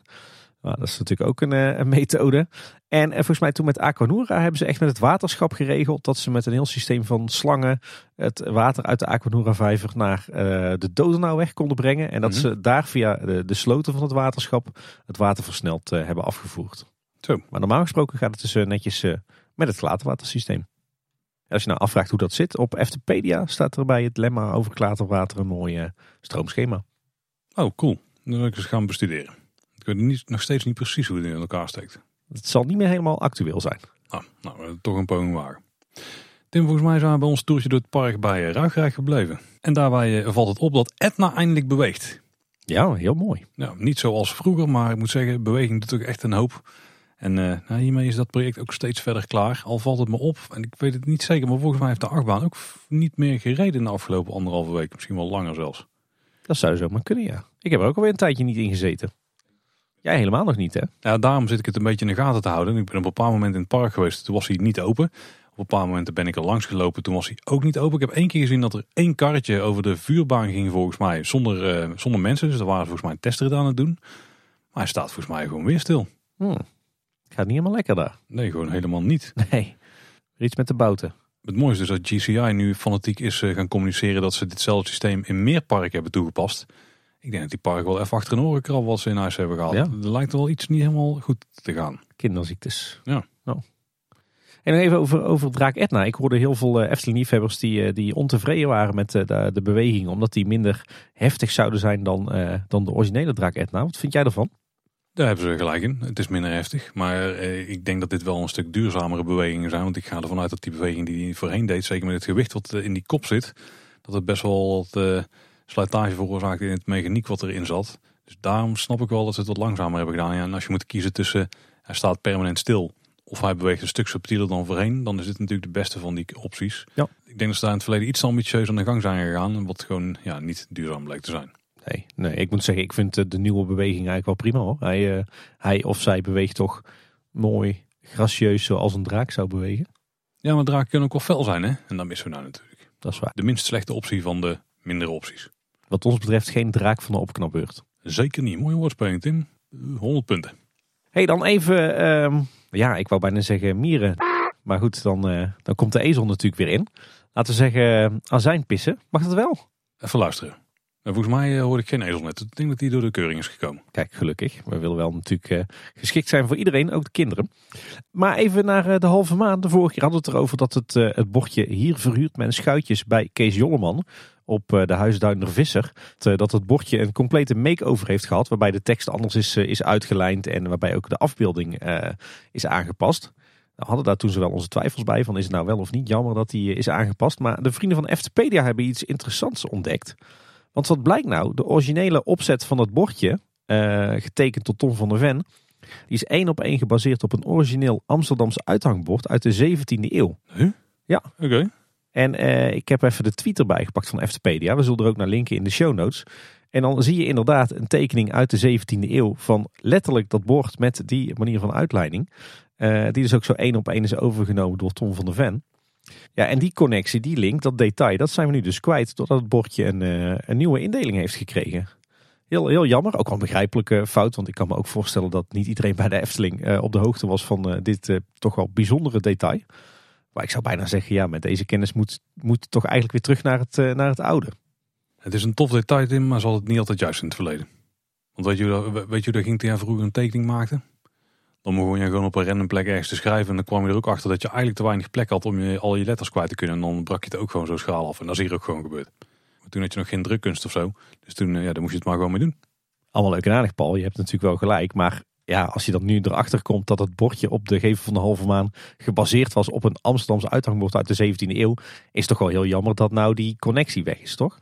Ja, dat is wel erg jammer. Door een goed bedoelde opknapbeurt, maar... Maar dat hoeft niet te vervangen aan wat het was hoor.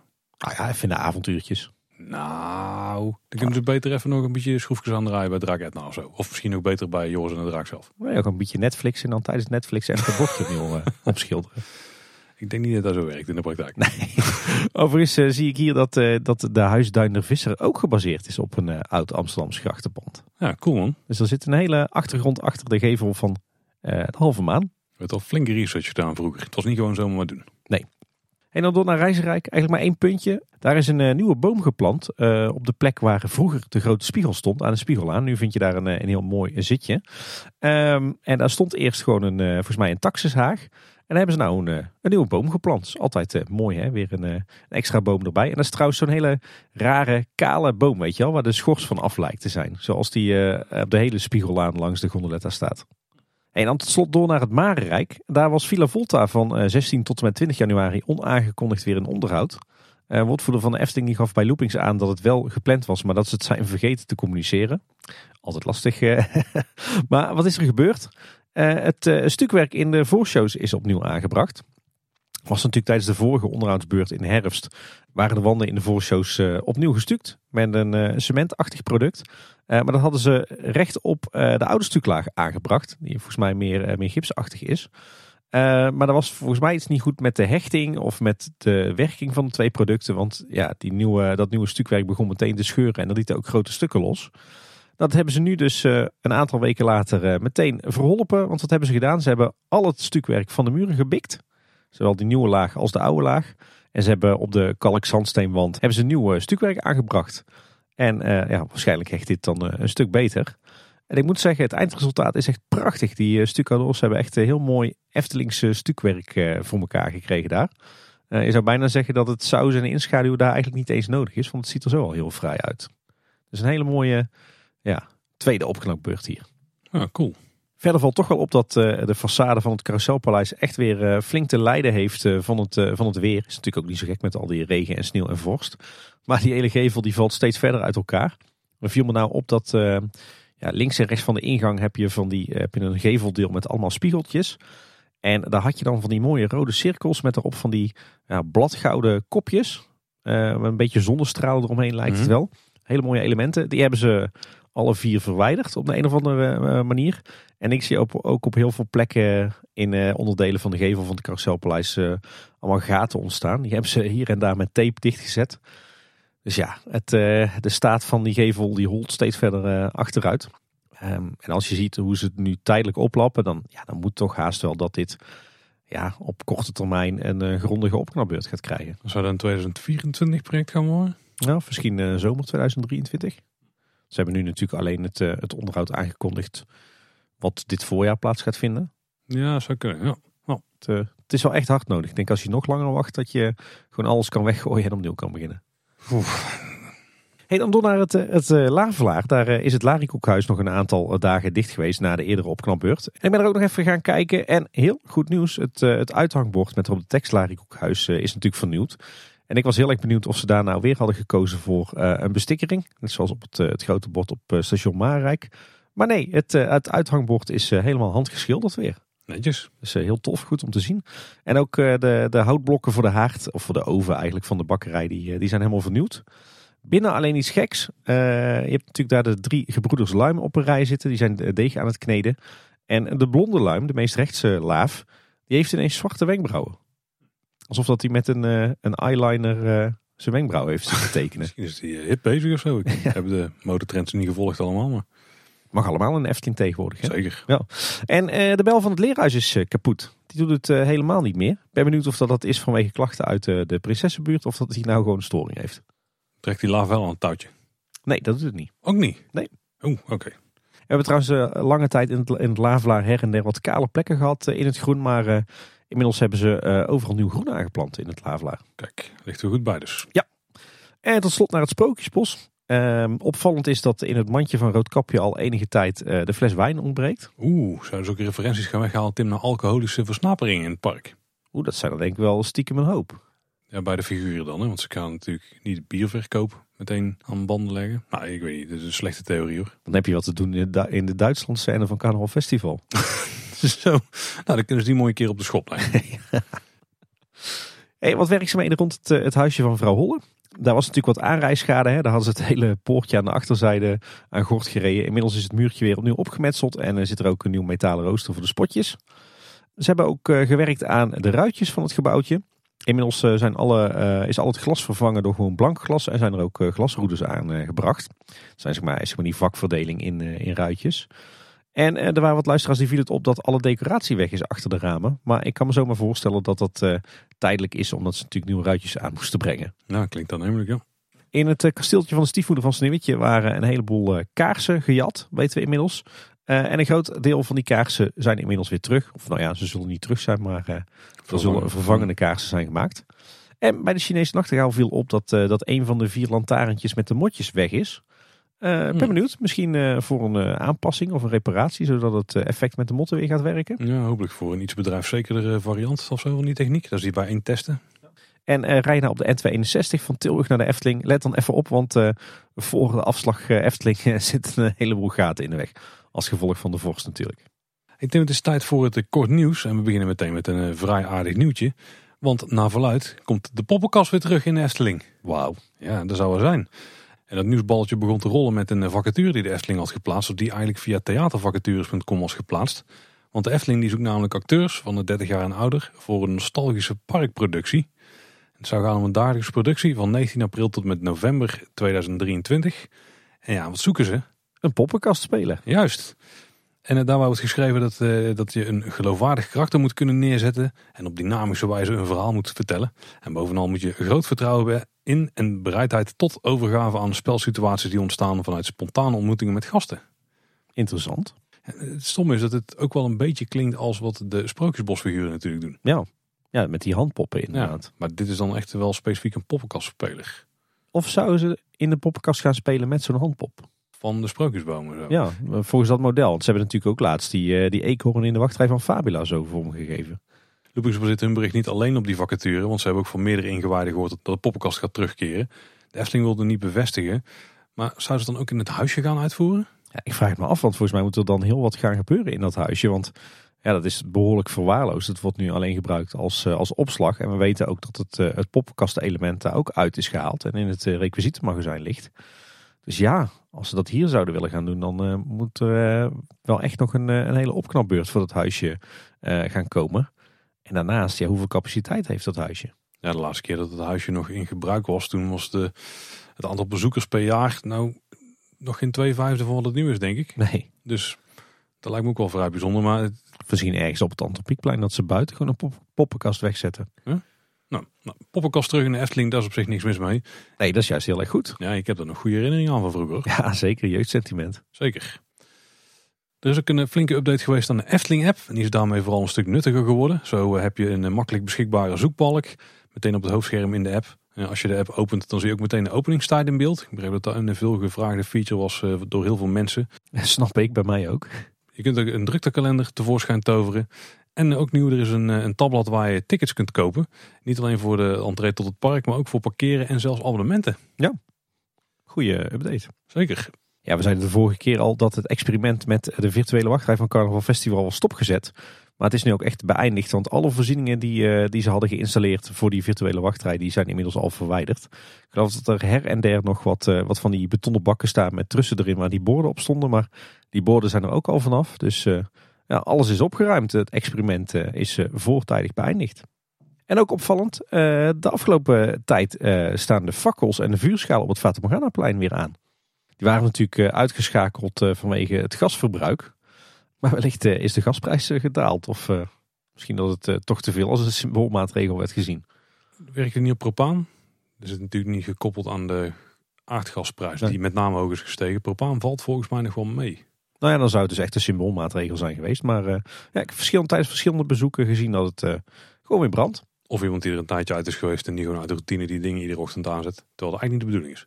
Ja. Zou ook zomaar kunnen. Sinds 2021 zit er een statiegeld op eh, de kleine petflesjes. Dat gaat om 15 cent per flesje. En de Efteling is die eh, begonnen met inzamelen. En eh, een statiegeld wat dan wordt verzameld daarmee, dat gaat naar Villa Padus. Nou zijn er in 2022 over het hele jaar 583.129 petflesjes ingezameld voor Villa Padus op die manier. En daardoor is er een opbrengst van eh, 87.469,36 euro. Ik weet niet hoe dat dan precies zit. Hebben ze dan ergens een flesje al in de dop van gevonden of zo? Heel bijzonder. Dat bedrag hebben ze kunnen schenken aan Villa Padus. En vanaf 1 april 2023 worden ook lege blikjes op deze manier ingezameld. En ook dat statiegeld komt wederom ten goede aan Villa Padus. Kijk, heel mooi. Ja. Goed voor de villa en goed voor het milieu. Nou, de oplettende luisteraar is het eh, vast opgevallen dat wij het de afgelopen afleveringen regelmatig hebben gehad over een aanvraag voor de bouw van een loods op het dienstencentrum. En die zagen wij maar niet verschijnen. En toen dachten wij van, zijn er dan misschien die dingen achter gaan en zo? Maar nee, dat is het niet. Er komt echt een loods, een nieuwe loods op het dienstencentrum. En die wordt gebouwd om, let op Tim, het interne vervoer binnen de Efteling te kunnen beperken. Huh? Wat betekent dat? Dus Ja, wat, wat is het inter- ja, je zou zeggen het interne vervoer in de Efteling is eh, met extra voorraad gedurende de dag eh, naar de winkeltjes. Maar dat voorkom je toch niet door een loods op het dienstencentrum te zetten? Ja, want er komt al veel al vanaf het dienstencentrum, toch? Ja. Dat is de plek waar veel wordt gelost en dan vanuit daar verspreid moet worden. Ja. Dus als je het daar neerzet, Dan heb je alsnog je interne transport. Ik kan me voorstellen dat je daar een extra loods neerzet, zodat je minder extern transport hebt. ja, Hmm. ik kon deze niet helemaal volgen. Maar in ieder geval, dat is blijkbaar de reden. En eh, die loods die gaan we mogelijk zien vanaf de Europalaan. Dat was ook een van de dingen die we leerden uit het eh, burenbericht. Geen drama, want eh, het dienstencentrum is sowieso niet heel fraai vanaf de Europalaan. En Tim, het meest recente stukje Efteling. Dat is namelijk minicamping de Bernenhoeve. Die werd in het verleden verhuurd. Volgens mij heeft daar wat anti-kraak in gezeten. Eh, maar eh, sinds een aantal maanden zit daar of het aan CSU in. En dat is de, de verzamelplek en een beetje de kantoorkantine van dat bedrijf. En eh, die maken de huisjes van Bosrijk en het Loonse Land schoon. Dus die vertrekken vanaf daar regelmatig om de schoonmaakrondes te doen van die parken. Ja, ik geloof dat zij eerst allemaal geconcentreerd zaten in, in een soort personeelsruimte bij het Loonse Land. Maar dat eh, de afstand tussen het Loonse Land en Bosrijk toch te groot was. Dus eh, in plaats daarvan zijn ze in het voormalige woonhuis bij die minicamping gaan zitten. Nou. Slim. Er is ook nieuwe Efteling muziek uitgebracht, Tim. Nou. Niet door een smerige tosti in dit geval, maar eh, gewoon door de Efteling zelf. Al geloofde ik het in eerste instantie niet helemaal. Het gaat namelijk om de Caro Dance remix. Nou, nou. Ja, ja, je stond erop te dansen, hè? Dat heb ik wel gezien. Gewoon Nee. helemaal niet. Volgens mij volgens ons beiden niet de meest geslaagde Efteling uitgifte qua muziek. Nee, nou ja, volgens mij is de helft van de, van de mix is gewoon standaard Caro muziek. En de andere helft is... eh, nou ja, ik, ik zou het zelf niet kunnen, maar ik denk dat jij het ook zou kunnen, toch? Nee, nee, dit soort technisch zit het wel goed in elkaar. Alleen het voelt een beetje overbodig. En, en wat jij zegt inderdaad, kijk, als je een remix kan maken, dan hoop je dat je de originele sporen krijgt van René. Wat denk ik ook het geval is geweest. En als het enige wat je er dan mee doet, eh, zeg maar het begin en het eindstukje, misschien nog ergens een tussenstukje, gewoon echt letterlijk één op één uit de MP3 die je ook gewoon van internet had kunnen aftrekken, pakt. En daar een beetje met dezelfde melodie beats omheen maakt. Ja, nee, dat voelt, voelt als net iets te karig. Ja, ja, dat is ook wat jij zegt. Eh, Wat is de aanleiding? Waarom is dit gebeurd? Wat, wat was hier de noodzaak van? Maar is dit bijvoorbeeld ook niet gebruikt tijdens een evenement ooit of zo? Dat zou allicht kunnen, maar dat weet ik niet. Nou, eh, nogmaals, technisch zit het goed in elkaar hoor. Alleen eh, de Efteling link is eh, heel licht. Ja. Hey, weet je wat mij opviel? Ik schrok er zelfs een beetje van. Oeh, vertel. Ehm, je hebt op eh, YouTube en volgens mij ook op, op Spotify en Apple Music heb je nu een playlist van de Efteling voor de wereld van Simbad. En daar, daar zitten een aantal nummers in van eh, de wereld van Simbad zelf. eh, ehm, van de hand van René Merkelbach. Prachtige muziek. Maar er zitten ook eh, de ritmuziek van Vogelrok in en de wachtrijmuziek van Vogelrok. Die zijn natuurlijk van Ruud Bos. En wat blijkt nou? Die wachtrijmuziek die bestond van origine uit vijf onderdelen, vijf nummers. Die draaien ook nog steeds in de attractie. Maar het laatste nummer van die vijf hebben ze er in de, de, de audiomix op, eh, op internet hebben ze eraf geknipt van de Efteling. Zou daar een rechte dingetje zijn of zo? Ja, er werd wel eens gezegd, die muziek lijkt wel heel veel op de Thunderbirds. En alhoewel het natuurlijk een subjectief dingetje is, eh, zitten daar echt wel wat eh, overeenkomsten in. Dus, eh, maar ja, best wel eh, heftig dat de Efteling dat stuk gewoon van de wachtrijmuziek van Vogel ook heeft eh, afgeknipt. Maar was dat originele muziek voor de wachtrij? Of was het Ja. ook eh Jannie materiaal? Nee, nee, nee, geschreven door Ruud Bos. Oh, oké. En eh, deels op keyboard, eh, deels eh, met een symfonieorkest opgenomen. Gelukkig hebben we de singeltjes nog. Dan wat hoor ik al follow-up Tim. Want de vorige keer we het over het mobiel bestellen bij de smulpaap. Dat dat weer terug was. Maar blijkbaar is het alleen in de gevallen dat er te weinig personeel is. Of in ieder geval minder personeel. Want als je mobiel kunt bestellen heb je natuurlijk geen kassapersoneel nodig. Maar alleen maar mensen die de uitgifte doen. Dus ze passen het mobiel bestellen flexibel toe. Wanneer het gewoon nodig is. Ja, en ik kreeg een nieuwtje doorgespeeld eh, door onze bierexpert Boukje Koop. Die wist mij namelijk te vertellen dat het biertje Het Verdiende Loon, het biertje van het Loonse Land, een nieuw recept heeft en dus ook een andere smaak. Oh, ben ik ook eens een keer scoren. Dus even kijken of dat ik het eh, verschil kan proeven. Maar ik denk niet dat ik zo geoefend ben als Boukje. Uh, Boukje zei we moeten weer een keer een aflevering opnemen. Maar die zoekt gewoon naar uh, goede excuses om een pilsje te drinken. Ja, oh, sorry, een biertje te drinken. Excuses, Boukje. Ik heb daar niks op tegen trouwens. maar dan doen we het wel iets later op de dag dan de vorige keer. Ja, niet eh, om tien uur s ochtends op een regenachtige dag. Eh, ook wat merchandise follow-up. Want dat schitterende t-shirt, Tim, wat eh, perfect was gedrapeerd in het kleedlokaal van eh, Baron 1898. Die weer footsie, zoals het hoort. Gelukkig. We maakten ons eh, de vorige aflevering er eh, een beetje druk om. Lichtelijk druk. Ja. En dan eigenlijk een beetje combi van beide. Zowel horeca als merchandise. Nou, horeca. De uitbreiding van de verleiding is open. Dus dat is een snoepwinkel in Ruigrijk. En dan vind je nu dus de schep snoepwand van Haribo. Nou, op zich niet zo bijzonder, maar wat wel heel cool is, is dat je daarbij eh, speciale kartonnen puntzakken kunt scoren. In drie formaten die bepalen ook hoeveel je betaalt. Met bedrukking in het thema van de Game Gallery en de verleiding. En eh, er zit ook een mooie signing bij op het bord wat achter die, eh, die muur zit. Maar dat is dus helemaal het thema uitgevoerd. Dat is wel echt heel tof. En ik zag trouwens dat een deel, of misschien wel alles van het, het snoepgoed daar, dat, eh, dat er geen kunstmatige kleur, geur en smaakstoffen aan zijn toegevoegd. Nou, netjes. Dan, eh, dan kunnen we gewoon ongelimiteerd vreten, toch? Ja, dat, dat kan absoluut, ja. Ik, ik besef nu trouwens dat het best wel een gemiste kans is om er niet een scheepsnoep van te maken of zo. Oeh, goed. Zo. Heel goed. Ja, of schipsnoep. Maar, nou, nou oké. Voor de volgende keer. Ook nieuw in het assortiment trouwens zijn eh, bussen pringels. Die kun je er ook wat aan scoren. Oh, ik heb zin in chips, joh. Ja, het is nu, de luisteraars weten het niet, maar het is nu kwart voor elf 's avonds. En we zitten hier aan de cola, maar ik heb echt zin in een bel chips. Oeh, ik weet niet of ik eraan kan helpen. Misschien hebben we gewoon nachos of zo liggen. Hm, anders rijd ik even langs de appie. Kan niet meer, hè? Die is om tien uur dicht. Ah. Ja, en eh, je kunt nu ook die souvenirs kopen, hè? die achtbaan souvenirs. Dus de vijf coasters, behalve Max en Moritz, die in het park te vinden zijn, die hebben ieder zijn eigen lijn en eh, die hangen daar netjes aan de wand. Zo, dan een vrij vreemde, Tim. wel het bizarre, bizarre moment van de week, zeg maar. Ja, want je hebt natuurlijk altijd grote partijen en die bieden dan goedkoop tickets aan eh, voor de Efteling of soms zelfs gratis als je lid bent of klant van die eh, instanties. Essent is er zo eentje en die maken nu reclame voor een eh, thuisvoordeeldagen in de Winter Efteling. En die hebben daarbij een bijzondere slogan, of in ieder geval een quote die ze daarbij gebruiken. Super, een dagje Efteling is normaal gesproken onbetaalbaar. Dat doe je toch niet? Nee, echt wel een dikke klap in het gezicht van de organisatie eh, waar je dat buiten ingekocht. Ja. Als ik directeur was geweest bij de Efteling, dan had ik de directeur van de cent opgebeld en gezegd: Wat flik jij me nou? Ja, en dan moet de centen vooral mee aankomen kakken. Want als ergens dingen onbetaalbaar worden, dan is het wel bij de energiemaatschappijen. Maar dat terzijde. En misschien moet de Efteling daar een soort van, eh, een soort van twist aangeven op social media.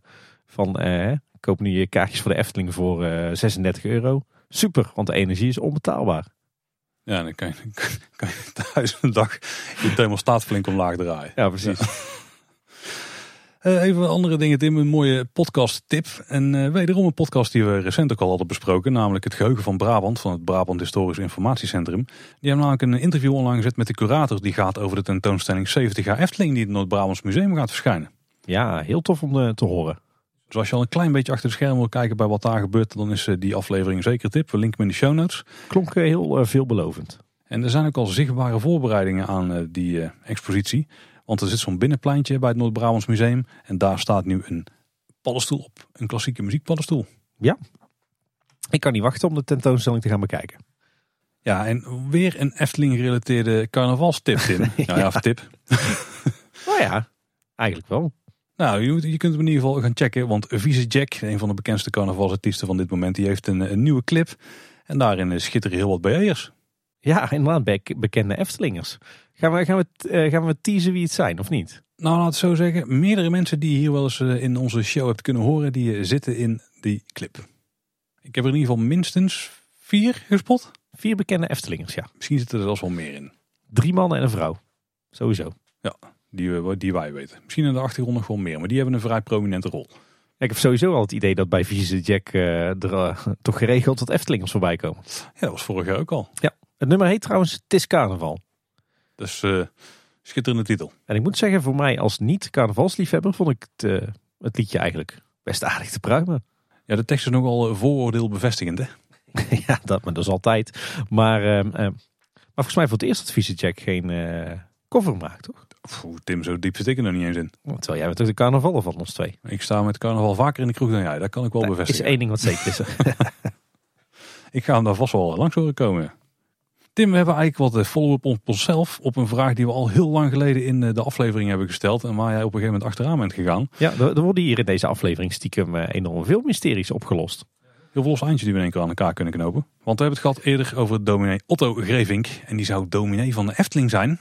Ja, we hebben hem gevraagd, eh, hoe zit dat nou? Ik heb hem gewoon een mailtje gestuurd, want hij eh, deelde sinds kort ook zijn mailadres eh, onder zijn columns. En hij schrijft dat ik mezelf predikant voor Kaatsheuvel en de Efteling noemt, is een knipoog naar het feit dat ik dominee mag zijn voor alle mensen in Kaatsheuvel. En aangezien de Efteling ook in Kaatsheuvel ligt, ben ik dus ook dominee voor de Efteling.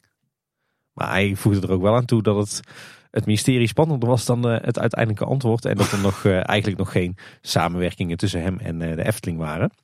Leuk is trouwens wel dat hij eh, vervolgens in de Duinkoerier, ons eh, plaatselijke krantje, eh, opnieuw een column schreef. En die was deze keer dus geheel gewijd aan onze vraag van ja, wat heb jij dan met Efteling? En het blijkt dat dominee Otto Grevink daadwerkelijk ook echte Efteling-liefhebber is. Dus we gaan weer linken naar het, de digitale versie van de Duinkoerier. En kijk op pagina 19 voor zijn column en liefdesverklaring aan de Efteling. En wat trouwens ook leuk is, is dat, eh, dat eh, dominee Otto Grevink zelfs eh, een YouTube-serie heeft gemaakt over de Efteling. Waarin hij eigenlijk de link legt tussen elementen in de Efteling en verhalen uit de Bijbel. Dus ook daar zullen we naar linken in de show notes. Heel bijzonder. En dan het om wat reacties van luisteraars te gaan behandelen. We kregen een mail van Oscar en die schreef... Hoi Tim en Paul. Ik heb afgelopen dagen tijdens mijn thuiswerkdagen en in de kerstvakantie met mijn dochter Bente met veel plezier geluisterd naar de registratie van Efteling in concert op Spotify. Mocht dit concert een vervolg krijgen, wellicht tijdens het 75-jarig bestaan van de Efteling, welke nummers mogen dan zeker niet ontbreken volgens jullie? Met vriendelijke groet Oscar en Bente. Je bedoelt Oscar dan eh, nummers die er nu al in zitten, die er dan weer in moeten zitten? Of nummers die we nu misten? Ik denk dat laatste. En dan komt bij mij meteen op, op eh, de, de andere scènes van Droomvlucht. Want nu hadden we natuurlijk maar twee muziekstukken uit Droomvlucht in Efteling in concert zitten. Ja, ja, die mis ik dan persoonlijk niet. Maar op zich zijn dat wel aardige toevoegingen, ja. Nou, ik mis eigenlijk eh, één nummer, maar er is niet echt een reden om die erin te stoppen. Maar dat is Veilige Haven. Oeh. Van de, de, de suite van eh, De Wereld van Simbad. Die vind ik echt zo geniaal. Een van mijn favoriete nummers uit de Efteling op dit moment. Die zou ik graag een keer live horen. Maar wat ik eigenlijk misschien nog wel liever hoor. En misschien eh, vloek ik dan in de kerk wat jou betreft, Tim. Maar zijn wat, eh, wat nieuwe eh, composities van bestaande nummers. Of, of in ieder geval samengevoegd. Dus dat je een beetje van die suites krijgt. Waar dan eh, meerdere stukken van Droomvlucht bijvoorbeeld bij elkaar zijn gevouwen. Dat je niet een kwartier aan muziek hebt van alleen Droomvlucht. Maar dat ze dat dan samenvatten tot een stuk van zes, zeven minuten of zo. Waarbij alles gewoon wel de ruimte krijgt die het moet krijgen. Dat zou ik zelf denk ik liefst willen zien. Dat zou ook bijvoorbeeld bij Ravelijn wel goed kunnen passen. Fata Morgana ben ik er iets huiveriger voor. Maar zou het ook wel kunnen? Hmm. Ik krijg er toch jeuk van, hoor, van de gedachte. Nee, ik vind het wel prima. Als je de attractie, dan is het ook weer, wat ik dan dus een beetje miste, dan is het ook weer meer dan wat het dan gewoon letterlijk Ja. brengt wat in het park al te horen is en wat je ook op een cd'tje kunt kopen en zo. Dan wordt het weer net iets, iets extra. En wat ik ook heel tof zou vinden is als ze eh, misschien een, een carnaval festival suite zouden maken, maar dan op een andere manier dan hoe je de muziek nu al hoort in eh, de attracties. Misschien met een paar extra landen eh, sfeertjes eroverheen of zo. Zo zou ik ook wel kunnen waarderen. Oh, en wat ik heel graag zou horen is een eh, alternatieve uitvoering van eh, Menuet in G. Misschien zelfs wel een hele extended versie van zoals we hem in Aquanura wel eens hebben gehoord. Hmm. Met, eh, in combinatie met Brabant van Guus Meeuwis. Nee, die niet, maar wel in combinatie met een koor en met de andere instrumentatie en zo. ja. Dat het daar vanuit opbouwt naar een enorm epische uitvoering, wat denk ik prima kan. Weet je wat ik wel zou willen horen nog? De parkmuziek. Zo, ja, ja, dat is ook een goeie. Ja, Zo. En, en dan ook specifiek eh, de Pardoespromenade muziek van René. Die heeft natuurlijk ergens eh, in eh, 1999 een keer geschreven. Die is natuurlijk altijd alleen maar uitgevoerd geweest op keyboard.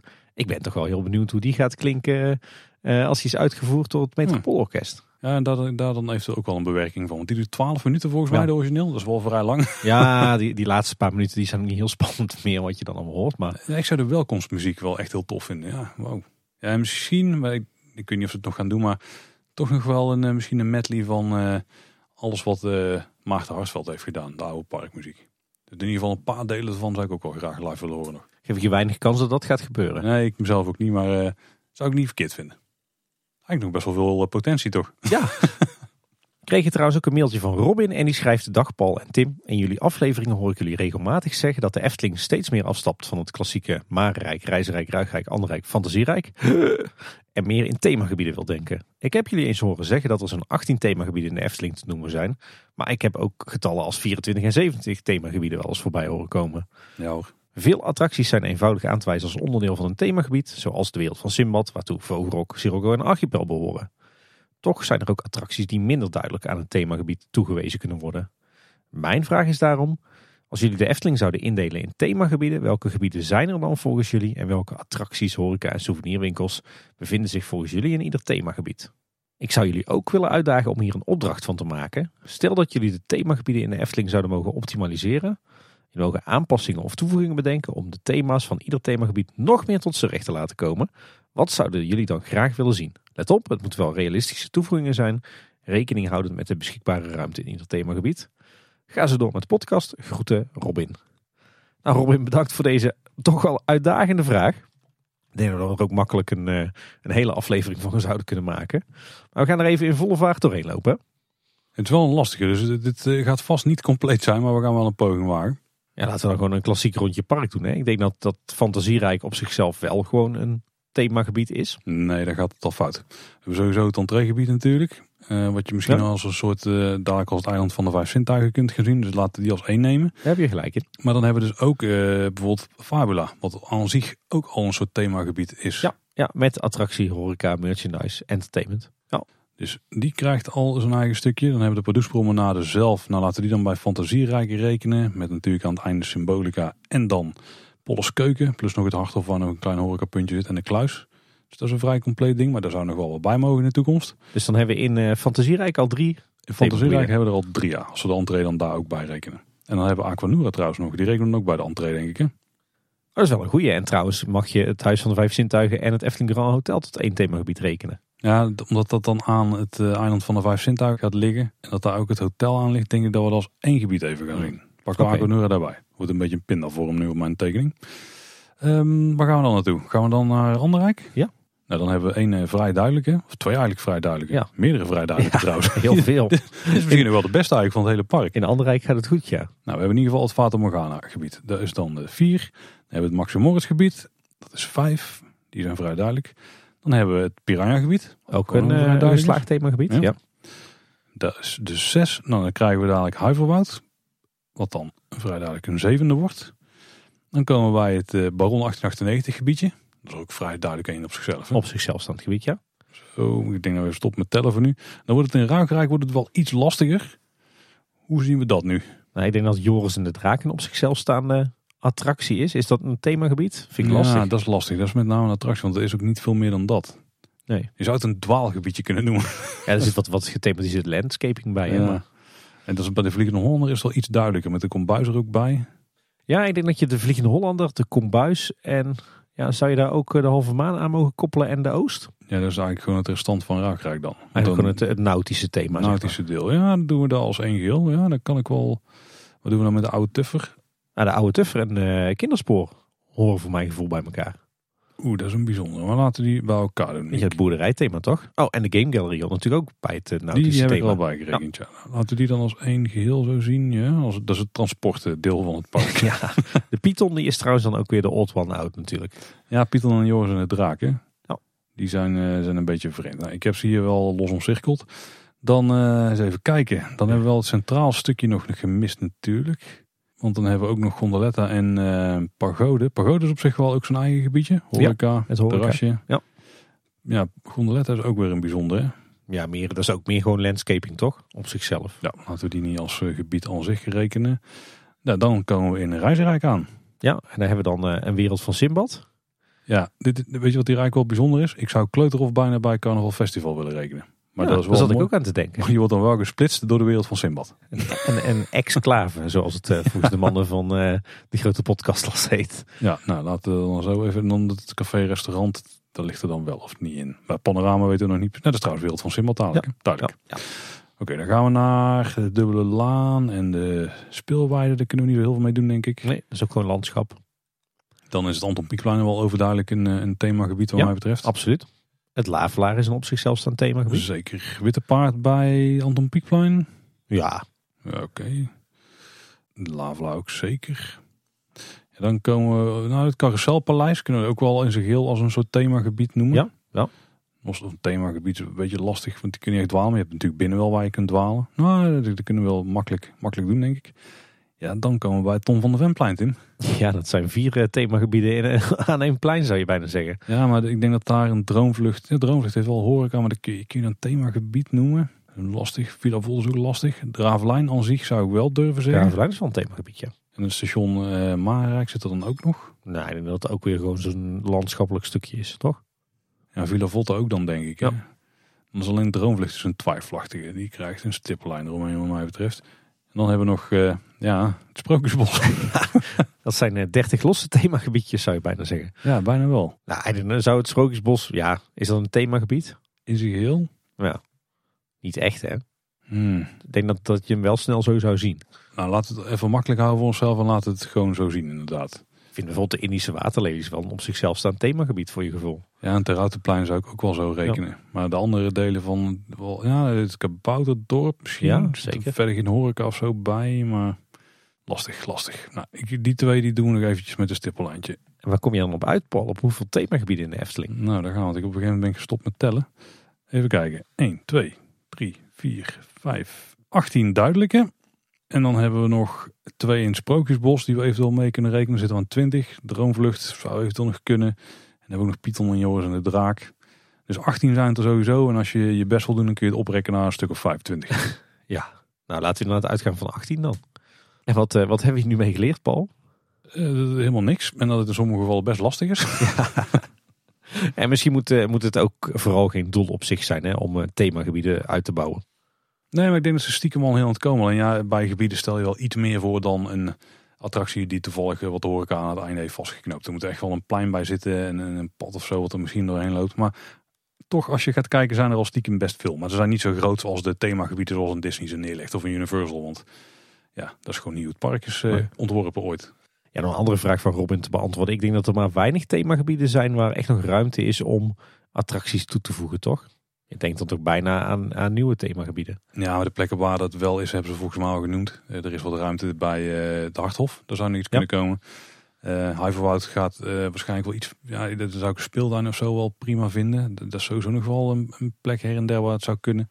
En er zijn wel mogelijkheden rondom ja, in Rijzenrijk en Anton Pieckplein. Hè? Omdat die gewoon liggen aan de... Ja. Onder andere het dienstencentrum en dat daar nog wat dode hoekjes zijn waar eventueel wel iets zou kunnen komen. Ja, daar komt dan vooral voort uit beschikbare ruimte. Niet per se uit welk themagebied heeft nog iets nodig. Eigenlijk is het in de Efteling ook allemaal niet zo gestructureerd in die zin. En dat vind ik zelf weer van de mooie dingen aan het park. Wat dat betreft niks mis mee. Gewoon nee, nee, die organische groei is juist super. Hopelijk ben je er iets wijzer van geworden, Robin. Of hebben we in ieder geval jezelf vermaakt voor een paar minuten met onze uitzoekwerk. Ja, dan zijn we aan het eind van de aflevering, Tim. Ja, ik ben eigenlijk wel benieuwd, Paul. Want je hebt een aantal keer heb je het over mastodon gehad. Wat is dat nou eigenlijk? Laat ik eens beginnen met een stukje geschiedenis. Misschien interessant om, uh, om te kijken hoe we daar zijn gekomen. Dat doen we meestal bij kleine boodschappen. Dan ken ik niet de hele geschiedenis van Mastodon, maar daar komen misschien ook wel op uit. Maar ooit in 2004, toen had je een bedrijfje dat heette Audio. En uh, die hadden bedacht, want daar zit ook een linkje met, uh, met kleine boodschap. Wij gaan een podcast directory maken. En alle podcasts kunnen zich daar aanmelden. En dat is daar een plek waar iedereen makkelijk podcasts kan vinden. Toen kwam alleen, uh, volgens mij een goed jaar later, kwam um, Apple. En die hadden in iTunes een podcast functionaliteit geïntegreerd. En toen was audio eigenlijk niet echt meer nodig. Want iedereen kon daar toen zijn podcast makkelijk vinden. En Apple die verzamelde die mooi en die bood dat allemaal aan aan iedereen. Doen ze nog steeds. En toen zijn ze gaan kijken in termen van kun je niet iets anders mee doen met, met het bedrijf wat we hebben. En toen was een van de ideeën die daar omhoog kwam een simpele service waarbij hetgene wat je kon doen kon delen op een heel laagdrempelige manier. Kon dan verspreid worden via sms. Dat is uiteindelijk wat Twitter is geworden. In 2006 uh, live gegaan. Alleen het was ook niet veel meer dan dat op dat moment. Het was een hele simpele webinterface. En daarbij kon je ook sms'jes ontvangen. Uh, al werd dat volgens mij al vrij vlot uitgefaseerd, want het vrij duur. Dus het was vooral een website. En helemaal niet zoals je die nu kent als je naar Twitter zou gaan op dit moment. Want wat ze gewoon nog niet hadden, was een app. En zo niet zo vreemd, nee. want in 2006 was de iPhone nog niet uitgekomen. Die kwam pas een jaar later, in 2007. En dan kon je in eerste instantie officieel geen apps voor ontwikkelen. Volgens mij zomer 2007 is hij, uh, was hij echt daadwerkelijk te koop. En uh, volgens mij eind dat jaar, nee, volgens mij 2008 is de App Store pas gelanceerd. En een van de eerste apps die erin stond, want die was al stiekem gemaakt voordat de App Store er daadwerkelijk was. Door mensen die een beetje hadden uitgezocht van hoe kun je software schrijven voor dat ding. Was een Twitter app. Oh. Maar die was niet van Twitter zelf. Oh. Twitter heeft uh, namelijk uh, heel lang geen app gehad. En het mooie was van die Twitter-app is dat die uh, vrij populair werd. Dat was de Twitterific overigens. Die heb ik ook nog best wel een tijdje gebruikt. Echt wel een goede app van de Icon Factory. Maar het zijn de apps geweest die heel veel van de conventies die wij kennen van Twitter, die, die hebben bedacht. Oh, oké. Okay. Het woord tweet zat voor het eerst in die Twitterific app. Oké. Wel, wel na een suggestie van een van de Twitter developers, want ze, ze noemen het de hele tijd Twitter of zo, maar dat, dat klonk een beetje stom. En toen zei een Twitter developer, want die gebruikte die apps ook, want ja, dat was het beste, de beste manier om uh, die, dat platform te gebruiken. Tweet is misschien wel een mooi alternatief. En toen hebben ze dat aangenomen en ingebouwd. Maar bijvoorbeeld nog veel groter, die blauwe vogel, helemaal niet bedacht door Twitter, die komt ook van Twitterific. Oké. Dus het zijn die, die third-party apps die heel veel van de functionaliteiten die wij kennen, of heel veel van de dingen die we associëren met Twitter, die die hebben bedacht, die daarna, die daarna zijn geadopteerd door Twitter zelf. Geldt overigens ook voor een hoop van de functionaliteiten, bijvoorbeeld die ad mentions die je kunt doen. Dus gewoon ad boodschap of zo, weet je wel. Daar zijn gewoon mensen gaan doen op een gegeven moment. Toen zijn die apps daar als eerst op ingesprongen. Zodat die maakten dan automatisch linkjes van die namen, zodat je naar de profielen kon linken, die mensen kon volgen, et cetera. Heeft Twitter later zelf pas ingebouwd. Hetzelfde geldt voor retweets. Mensen die, die kopieerden gewoon een berichtje, die zetten er RT voor, die zetten er eventueel nog een opmerking bij. Nou, er waren dus weer de apps die dat als eerste herkennen, dat je ook weer kon linken naar het originele bericht, et cetera. Uh, wat naderhand Twitter heeft overgenomen. Toen werd het overigens een stuk beter dan, uh, dan toen het nog gebaseerd was op het scannen van tekst. Uh, maar uiteindelijk was het pas 2010 dat Twitter met een eigen app kwam. En ook niet zomaar. Die hebben daarvoor een app van een andere club gewoon overgenomen. Tweety in dat geval. Uh, dat was overigens de eerste app die uh, dat pull to refresh had bedacht. Ja. Dat was een innovatie die Twitter niet zelf heeft bedacht of überhaupt niemand. Het was gewoon een, een app die er zelfstandig had geïmplementeerd. Zit nou echt overal een heel ieder besturingssysteem zit ermee vol. Maar die hebben gewoon die app overgenomen. Dus een app gebouwd door een andere club. Die hebben ze omgebouwd tot de Twitter app. Nou, heel lang verhaal om te komen uh, waar ik naartoe wilde. Ik heb die originele Twitter app eigenlijk nooit gebruikt. Ja, de afgelopen twee jaar een beetje, omdat ze op een gegeven moment de API om zeep hebben geholpen, waardoor DM's heel traag werden. Die kon je dan het snelste via de normale Twitter-app binnenkrijgen. Dus als je met iemand een beetje aan, in gesprek was, dan werkte dat niet echt goed via de manier waarop ik Twitter gebruikte. Wat namelijk dus die uh, apps waren van derde partijen. En ik heb heel lang Twitterific gebruikt. Uh, maar ik ben uiteindelijk overgeschakeld naar Tweetbot van de Tabots. Wat ik echt een enorm fijne Twitter-app vind. Die heeft een paar grote voordelen, vind ik, ten opzichte van een normale Twitter-app. Hij houdt supergoed bij waar je bent op je tijdlijn. En de tijdlijn staat gewoon in chronologische volgorde. Hoef je niks voor te doen. En als je op verschillende apparaten dat ding gebruikt, dan synchroniseert hij die positie ook gewoon tussen alle apps. Dus je bent altijd gewoon op alle plekken ben je op de juiste plek in je tijdlijn. Hm, moet ik ook mensen gebruik van gaan maken dan? Ja, kon het nog maar. Want uh, Twitter die heeft op een gegeven moment gedacht, en ik snap ook wel waarom, want wat je bijvoorbeeld ook niet zag op die tijdlijn waren allemaal advertenties en zo. En, maar vooral ook waar ik dan heel erg een schurfteken had, allemaal van die uh, tweets die extra in werden gepompt. Want er waren dan gesuggereerde gebruikers die interessant waren om te volgen, et cetera. Maar Twitter heeft besloten, waarschijnlijk sinds dat Elon Musk er is, van nee, daar willen we niks meer mee van doen hebben. Want als wij nieuwe, en dat snap ik op zich wel, als wij nieuwe features implementeren aan de serverkant, dan duurt het heel lang voordat die andere apps er iets mee gaan doen. En dan kunnen we niet zo snel rennen als we willen rennen. Want het hele platform moet op zijn kop gezet worden. Want blijkbaar was het niet goed hoe het was of zo. Ik weet ook niet wat, wat precies bij die kerel door zijn hoofd gaat. Alleen de manier waarop ze het hebben gedaan was vrij lullig. Ik opende op een gegeven moment gewoon, zoals ik wel vaker deed met Twitter app, om even mijn tweets te lezen en een beetje bij kleine boodschap bij te lezen. Want het wisselen tussen accounts ook echt super makkelijk. Eén keer swipen en je zat aan de andere kant vet relaxed. En toen kreeg ik een foutmelding. En ik denk, oh, dat is kloten. En hoe ga ik nou achterkomen wat er aan de hand is? Nou, toen bleek dat de Twitter app zelfs nog wel werkte. Nou, daar was al vrij snel duidelijk dat dus uh, Elon Musk, uh, in ieder geval bij Twitter, dat ze daar gewoon credentials hadden ingetrokken. Niemand van die ontwikkelaars, en er zijn dus gewoon kleine bedrijfjes met, weet je wel, twee tot vijf werknemers die, die een app kunnen doen. Die verkopen ze, die vragen wel om giften of soms moet je betalen voor, volgens mij was Tweetbot was het tientje per jaar of zo. En dan kon je daar uh, gebruik van maken van alle features. Die hebben gezinnen en die moeten mensen onderhouden, die moeten personeel betalen. En zonder dat er ook maar iets was gemeld aan hun, hadden ze gewoon alle rechten ingetrokken en werkte die apps dan één keer niet meer. Niet een paar weken van tevoren van let op dit gaat gebeuren en zo, et cetera. Dus best wel een nice streek van het bedrijf. Zijn dus ook veel mensen geld aan terugvragen omdat die apps niet meer werken. Kunnen ze niks aan doen. Daar hebben ze ook geen voorbereiding op kunnen treffen. Er werden nieuwe abonnementgelden geïnd. Ja, die moeten terugbetaald worden in veel gevallen. Dus de, nog een enorme... Nou, hebben ze ervan gemaakt aan de Twitterkant. Uh, zichzelf verscholen achter allerlei dingen die in hun eigen terms and conditions stonden staan, die er helemaal niet in stonden. Nou, dat is gewoon echt een ontzettende bende. Uh, was voor mij een beetje de druppel. Ik ben in Twitter vrij beu geraakt. En met alle strapatsen die daar gebeurden. Dus ik denk, ik had al een Mastodon-account aangemaakt voor kleine boodschappen en voor mezelf. Ik denk, ik ga daar eens even kijken. Nou is het grote voordeel dat de, de mensen die achter die, die favoriete Twitter-app voor mij zaten, dat die dus bezig waren met een Mastodon-app. En ik ga daar vertellen wat het is, Tim, want dan ga ik jou, ja, ja, jouw ja, vraag eindelijk beantwoorden. Uh, Ivory heet die. En die is toevallig afgelopen week uitgekomen. Dus het is nu ook veel makkelijker om het allemaal te managen. Want er waren wel wat apps, maar weet je wel, nu is het echt gewoon bijna exact hetzelfde als wat Twitter voor me was, is Mastodon nu voor me, hmm. zeg maar. Behalve de mensen die erop zitten. Maar ook daar kom ik dadelijk op. Um, dus ik, ik, zit nu daar uh, een beetje te proberen om uh, de Efteling community uh, op te zetten. Want die is niet zo heel groot. We hebben een paar volgers. extreem weinig. Dus daar mogen er wel wat meer worden. We staan ook inmiddels eh, gelinkt op de volg onze pagina. Dus daar staan we op. Onderaan de, volgens mij heb ik de Facebook linker afgeknikkerd en Mastodon voor in de plek gezet. Want op Facebook gaan we waarschijnlijk een beetje uitfaseren. Ik ga meteen kijken, Paul. Maar uh, wat Mastodon is, is eigenlijk, eigenlijk is het gewoon bijna een 1 op 1 Twitter vervanger. Het is wel iets groter. Het is gebouwd op open standaarden. Net zoals wat podcasts zijn gebouwd op RSS-feeds. Heb je ook een soort van nieuwe standaard om korte content te delen. Dus er kunnen berichten zijn, kunnen foto's zijn, et cetera. Er kan van alles op gebouwd worden. Op, op die technologie of eigenlijk op die set afspraken die daaronder onder, ligt. De Fediverse noemen ze het. Dat is allemaal een beetje schaal uh, termen waar je niet al te veel mee moet vermoeien als je hier verder in gaat duiken. Maar wat nu heel veel gebeurt, er wordt een soort Twitter-achtige ervaring opgebouwd met Mastodon. Maar je kunt ook voorstellen dat er een keer een Instagram-achtige ervaring komt. En je zou er allemaal vanuit dezelfde app kunnen managen, net wat je wilt. Dat gaat vrij breed. En een groot verschil met Twitter is dat er niet één bedrijf is wat de ja, wat de keys to the kingdom heeft en rechten kan gaan intrekken, et cetera. Er is één club ontwikkelaars die ontwikkelt het platform. Maar iedereen kan het gewoon downloaden, zelf installeren, zelf draaien online, zelf een server beheren. En dat is echt het enige... Dat, nou, dat, zo zeggen, dat is het voornaamste ongebruiksvriendelijke stukje van Mastodon. Want dat maakt het een beetje ingewikkeld als jij die app downloadt of een app downloadt uit de store. Dan is het eerste wat hij gaat vragen op welke server zit je. Dan denk je, welke server zit ik? Daar, daar zegt me allemaal niks. En stom is, dat maakt eigenlijk helemaal niks uit. Want je kunt super makkelijk wisselen van server. En dan kun je gewoon alles, ja, je kunt alles meenemen behalve je berichten. Dat is jammer. Je story raak je kwijt. Maar al je volgers en alle mensen die je volgt neem je allemaal mee. Uh, daar hebben ze allemaal gewoon geregeld dat onderling uitgewisseld, kan worden. Maar je kiest de eerste server. Nou, doe het gewoon makkelijk. Uh, kies gewoon mastodon.nl. Kan niet missen. En dan kun je daar een account aan maken. En dan kun je vanuit daar gewoon uh, gebruik gaan maken. Als je gebruik maakt van de zoekmachine. En maakt niet uit op welke server je zit. Als je zoekt naar kleine boodschap, dan vind je ons. En dan kun je ons gewoon daar volgen. En er is één ander nadeel wat ik tot nu toe heb ontdekt. En dat is dat, um, stel uh, jij zit ook op Mastodon Tim en ik ga kijken wie jij volgt. Dan zie ik alleen maar wie jij volgt.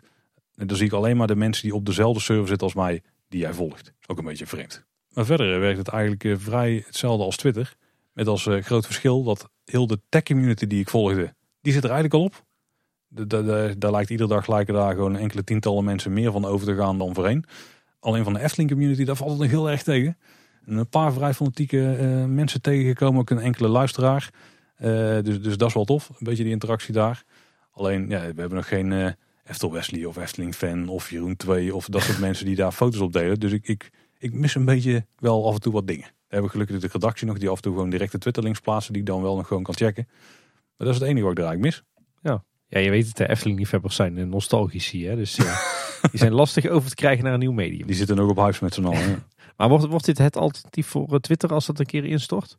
Ik denk dat dit het enige zinnige alternatief is voor uh, Twitter. Oké, nou ik hou het in gedachten. Ik zit er nog niet op en ik heb ook nog geen ambitie om erop te gaan. Maar ik zit hier nu wel voor bewondering te kijken naar alle content die jij hier hebt gepost. Gaat de wereld voor me open, Paul? Ik wist niet dat je hiermee bezig was. Met de hulp van de redactie af ja, ja, ja, ja, ja. Nou, het staat inderdaad op uh, kleineboodschap.com slash volgen. Nou, misschien één puntje even herhalen, want dat is natuurlijk best wel een belangrijke. En misschien een beetje de, de uh, moraalridder of zo die dan daarmee uithangt. Maar ik denk dat het echt een groot voordeel is van Mastodon dat het dus gedecentraliseerd is in het principe. Um, je hebt bijvoorbeeld Mastodon.social, dat is volgens mij de allergrootste server die, die er is. Maar wat je dus nu heel veel ziet, is dat heel veel bedrijfjes, heel veel van die, um, van die journalistieke websites of zo, die maken hun eigen instanties. We zouden, uh, weet ik veel, uh, kleine boodschap Stodon of zo kunnen, kunnen fixen.nl. ja. En dan kunnen we daar onze eigen twee accounts aan maken en verder dichtzetten voor dat verder niemand daar ook accounts mag aanmaken. En dan kunnen we vanaf daar gewoon gaan posten. Dan ben je volledig in controle van je eigen content, zeg maar. Dus of dit gaat verdwijnen of niet, heb je zelf in de hand. Dus ik snap dat wel vanuit de, die, die journalistieke um, plekken en zo. Uh, en het blijft ook niet zo heel ingewikkeld. Alleen als je het open gaat stellen voor anderen, dan ben je ook zelf verantwoordelijk voor de moderatie en zo erop. En dat is natuurlijk wel een hoop werk. Dus daarom zie ik dat ons bijvoorbeeld niet doen. Nee. Uh, en ik heb ook helemaal geen zin om dat te doen. Laat iemand anders dan maar gewoon regelen die er nog veel beter in is dan wij.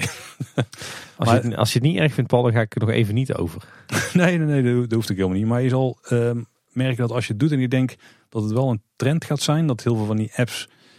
Maar ja, als je de, de, de hoofdclients gebruikt, dan merk je dat niet echt. Maar dat heel veel apps die uh, een Twitter-client maakten, dat die gewoon nu ook Mastodon-clients gaan maken. Dat is ook al op heel veel punten gebeurd voor mij was het echt een enorm groot voordeel. De Twitter-ervaring die ik had, die heb ik nu gewoon op Mastodon. Buiten dus de content, hè, want die is wel echt anders.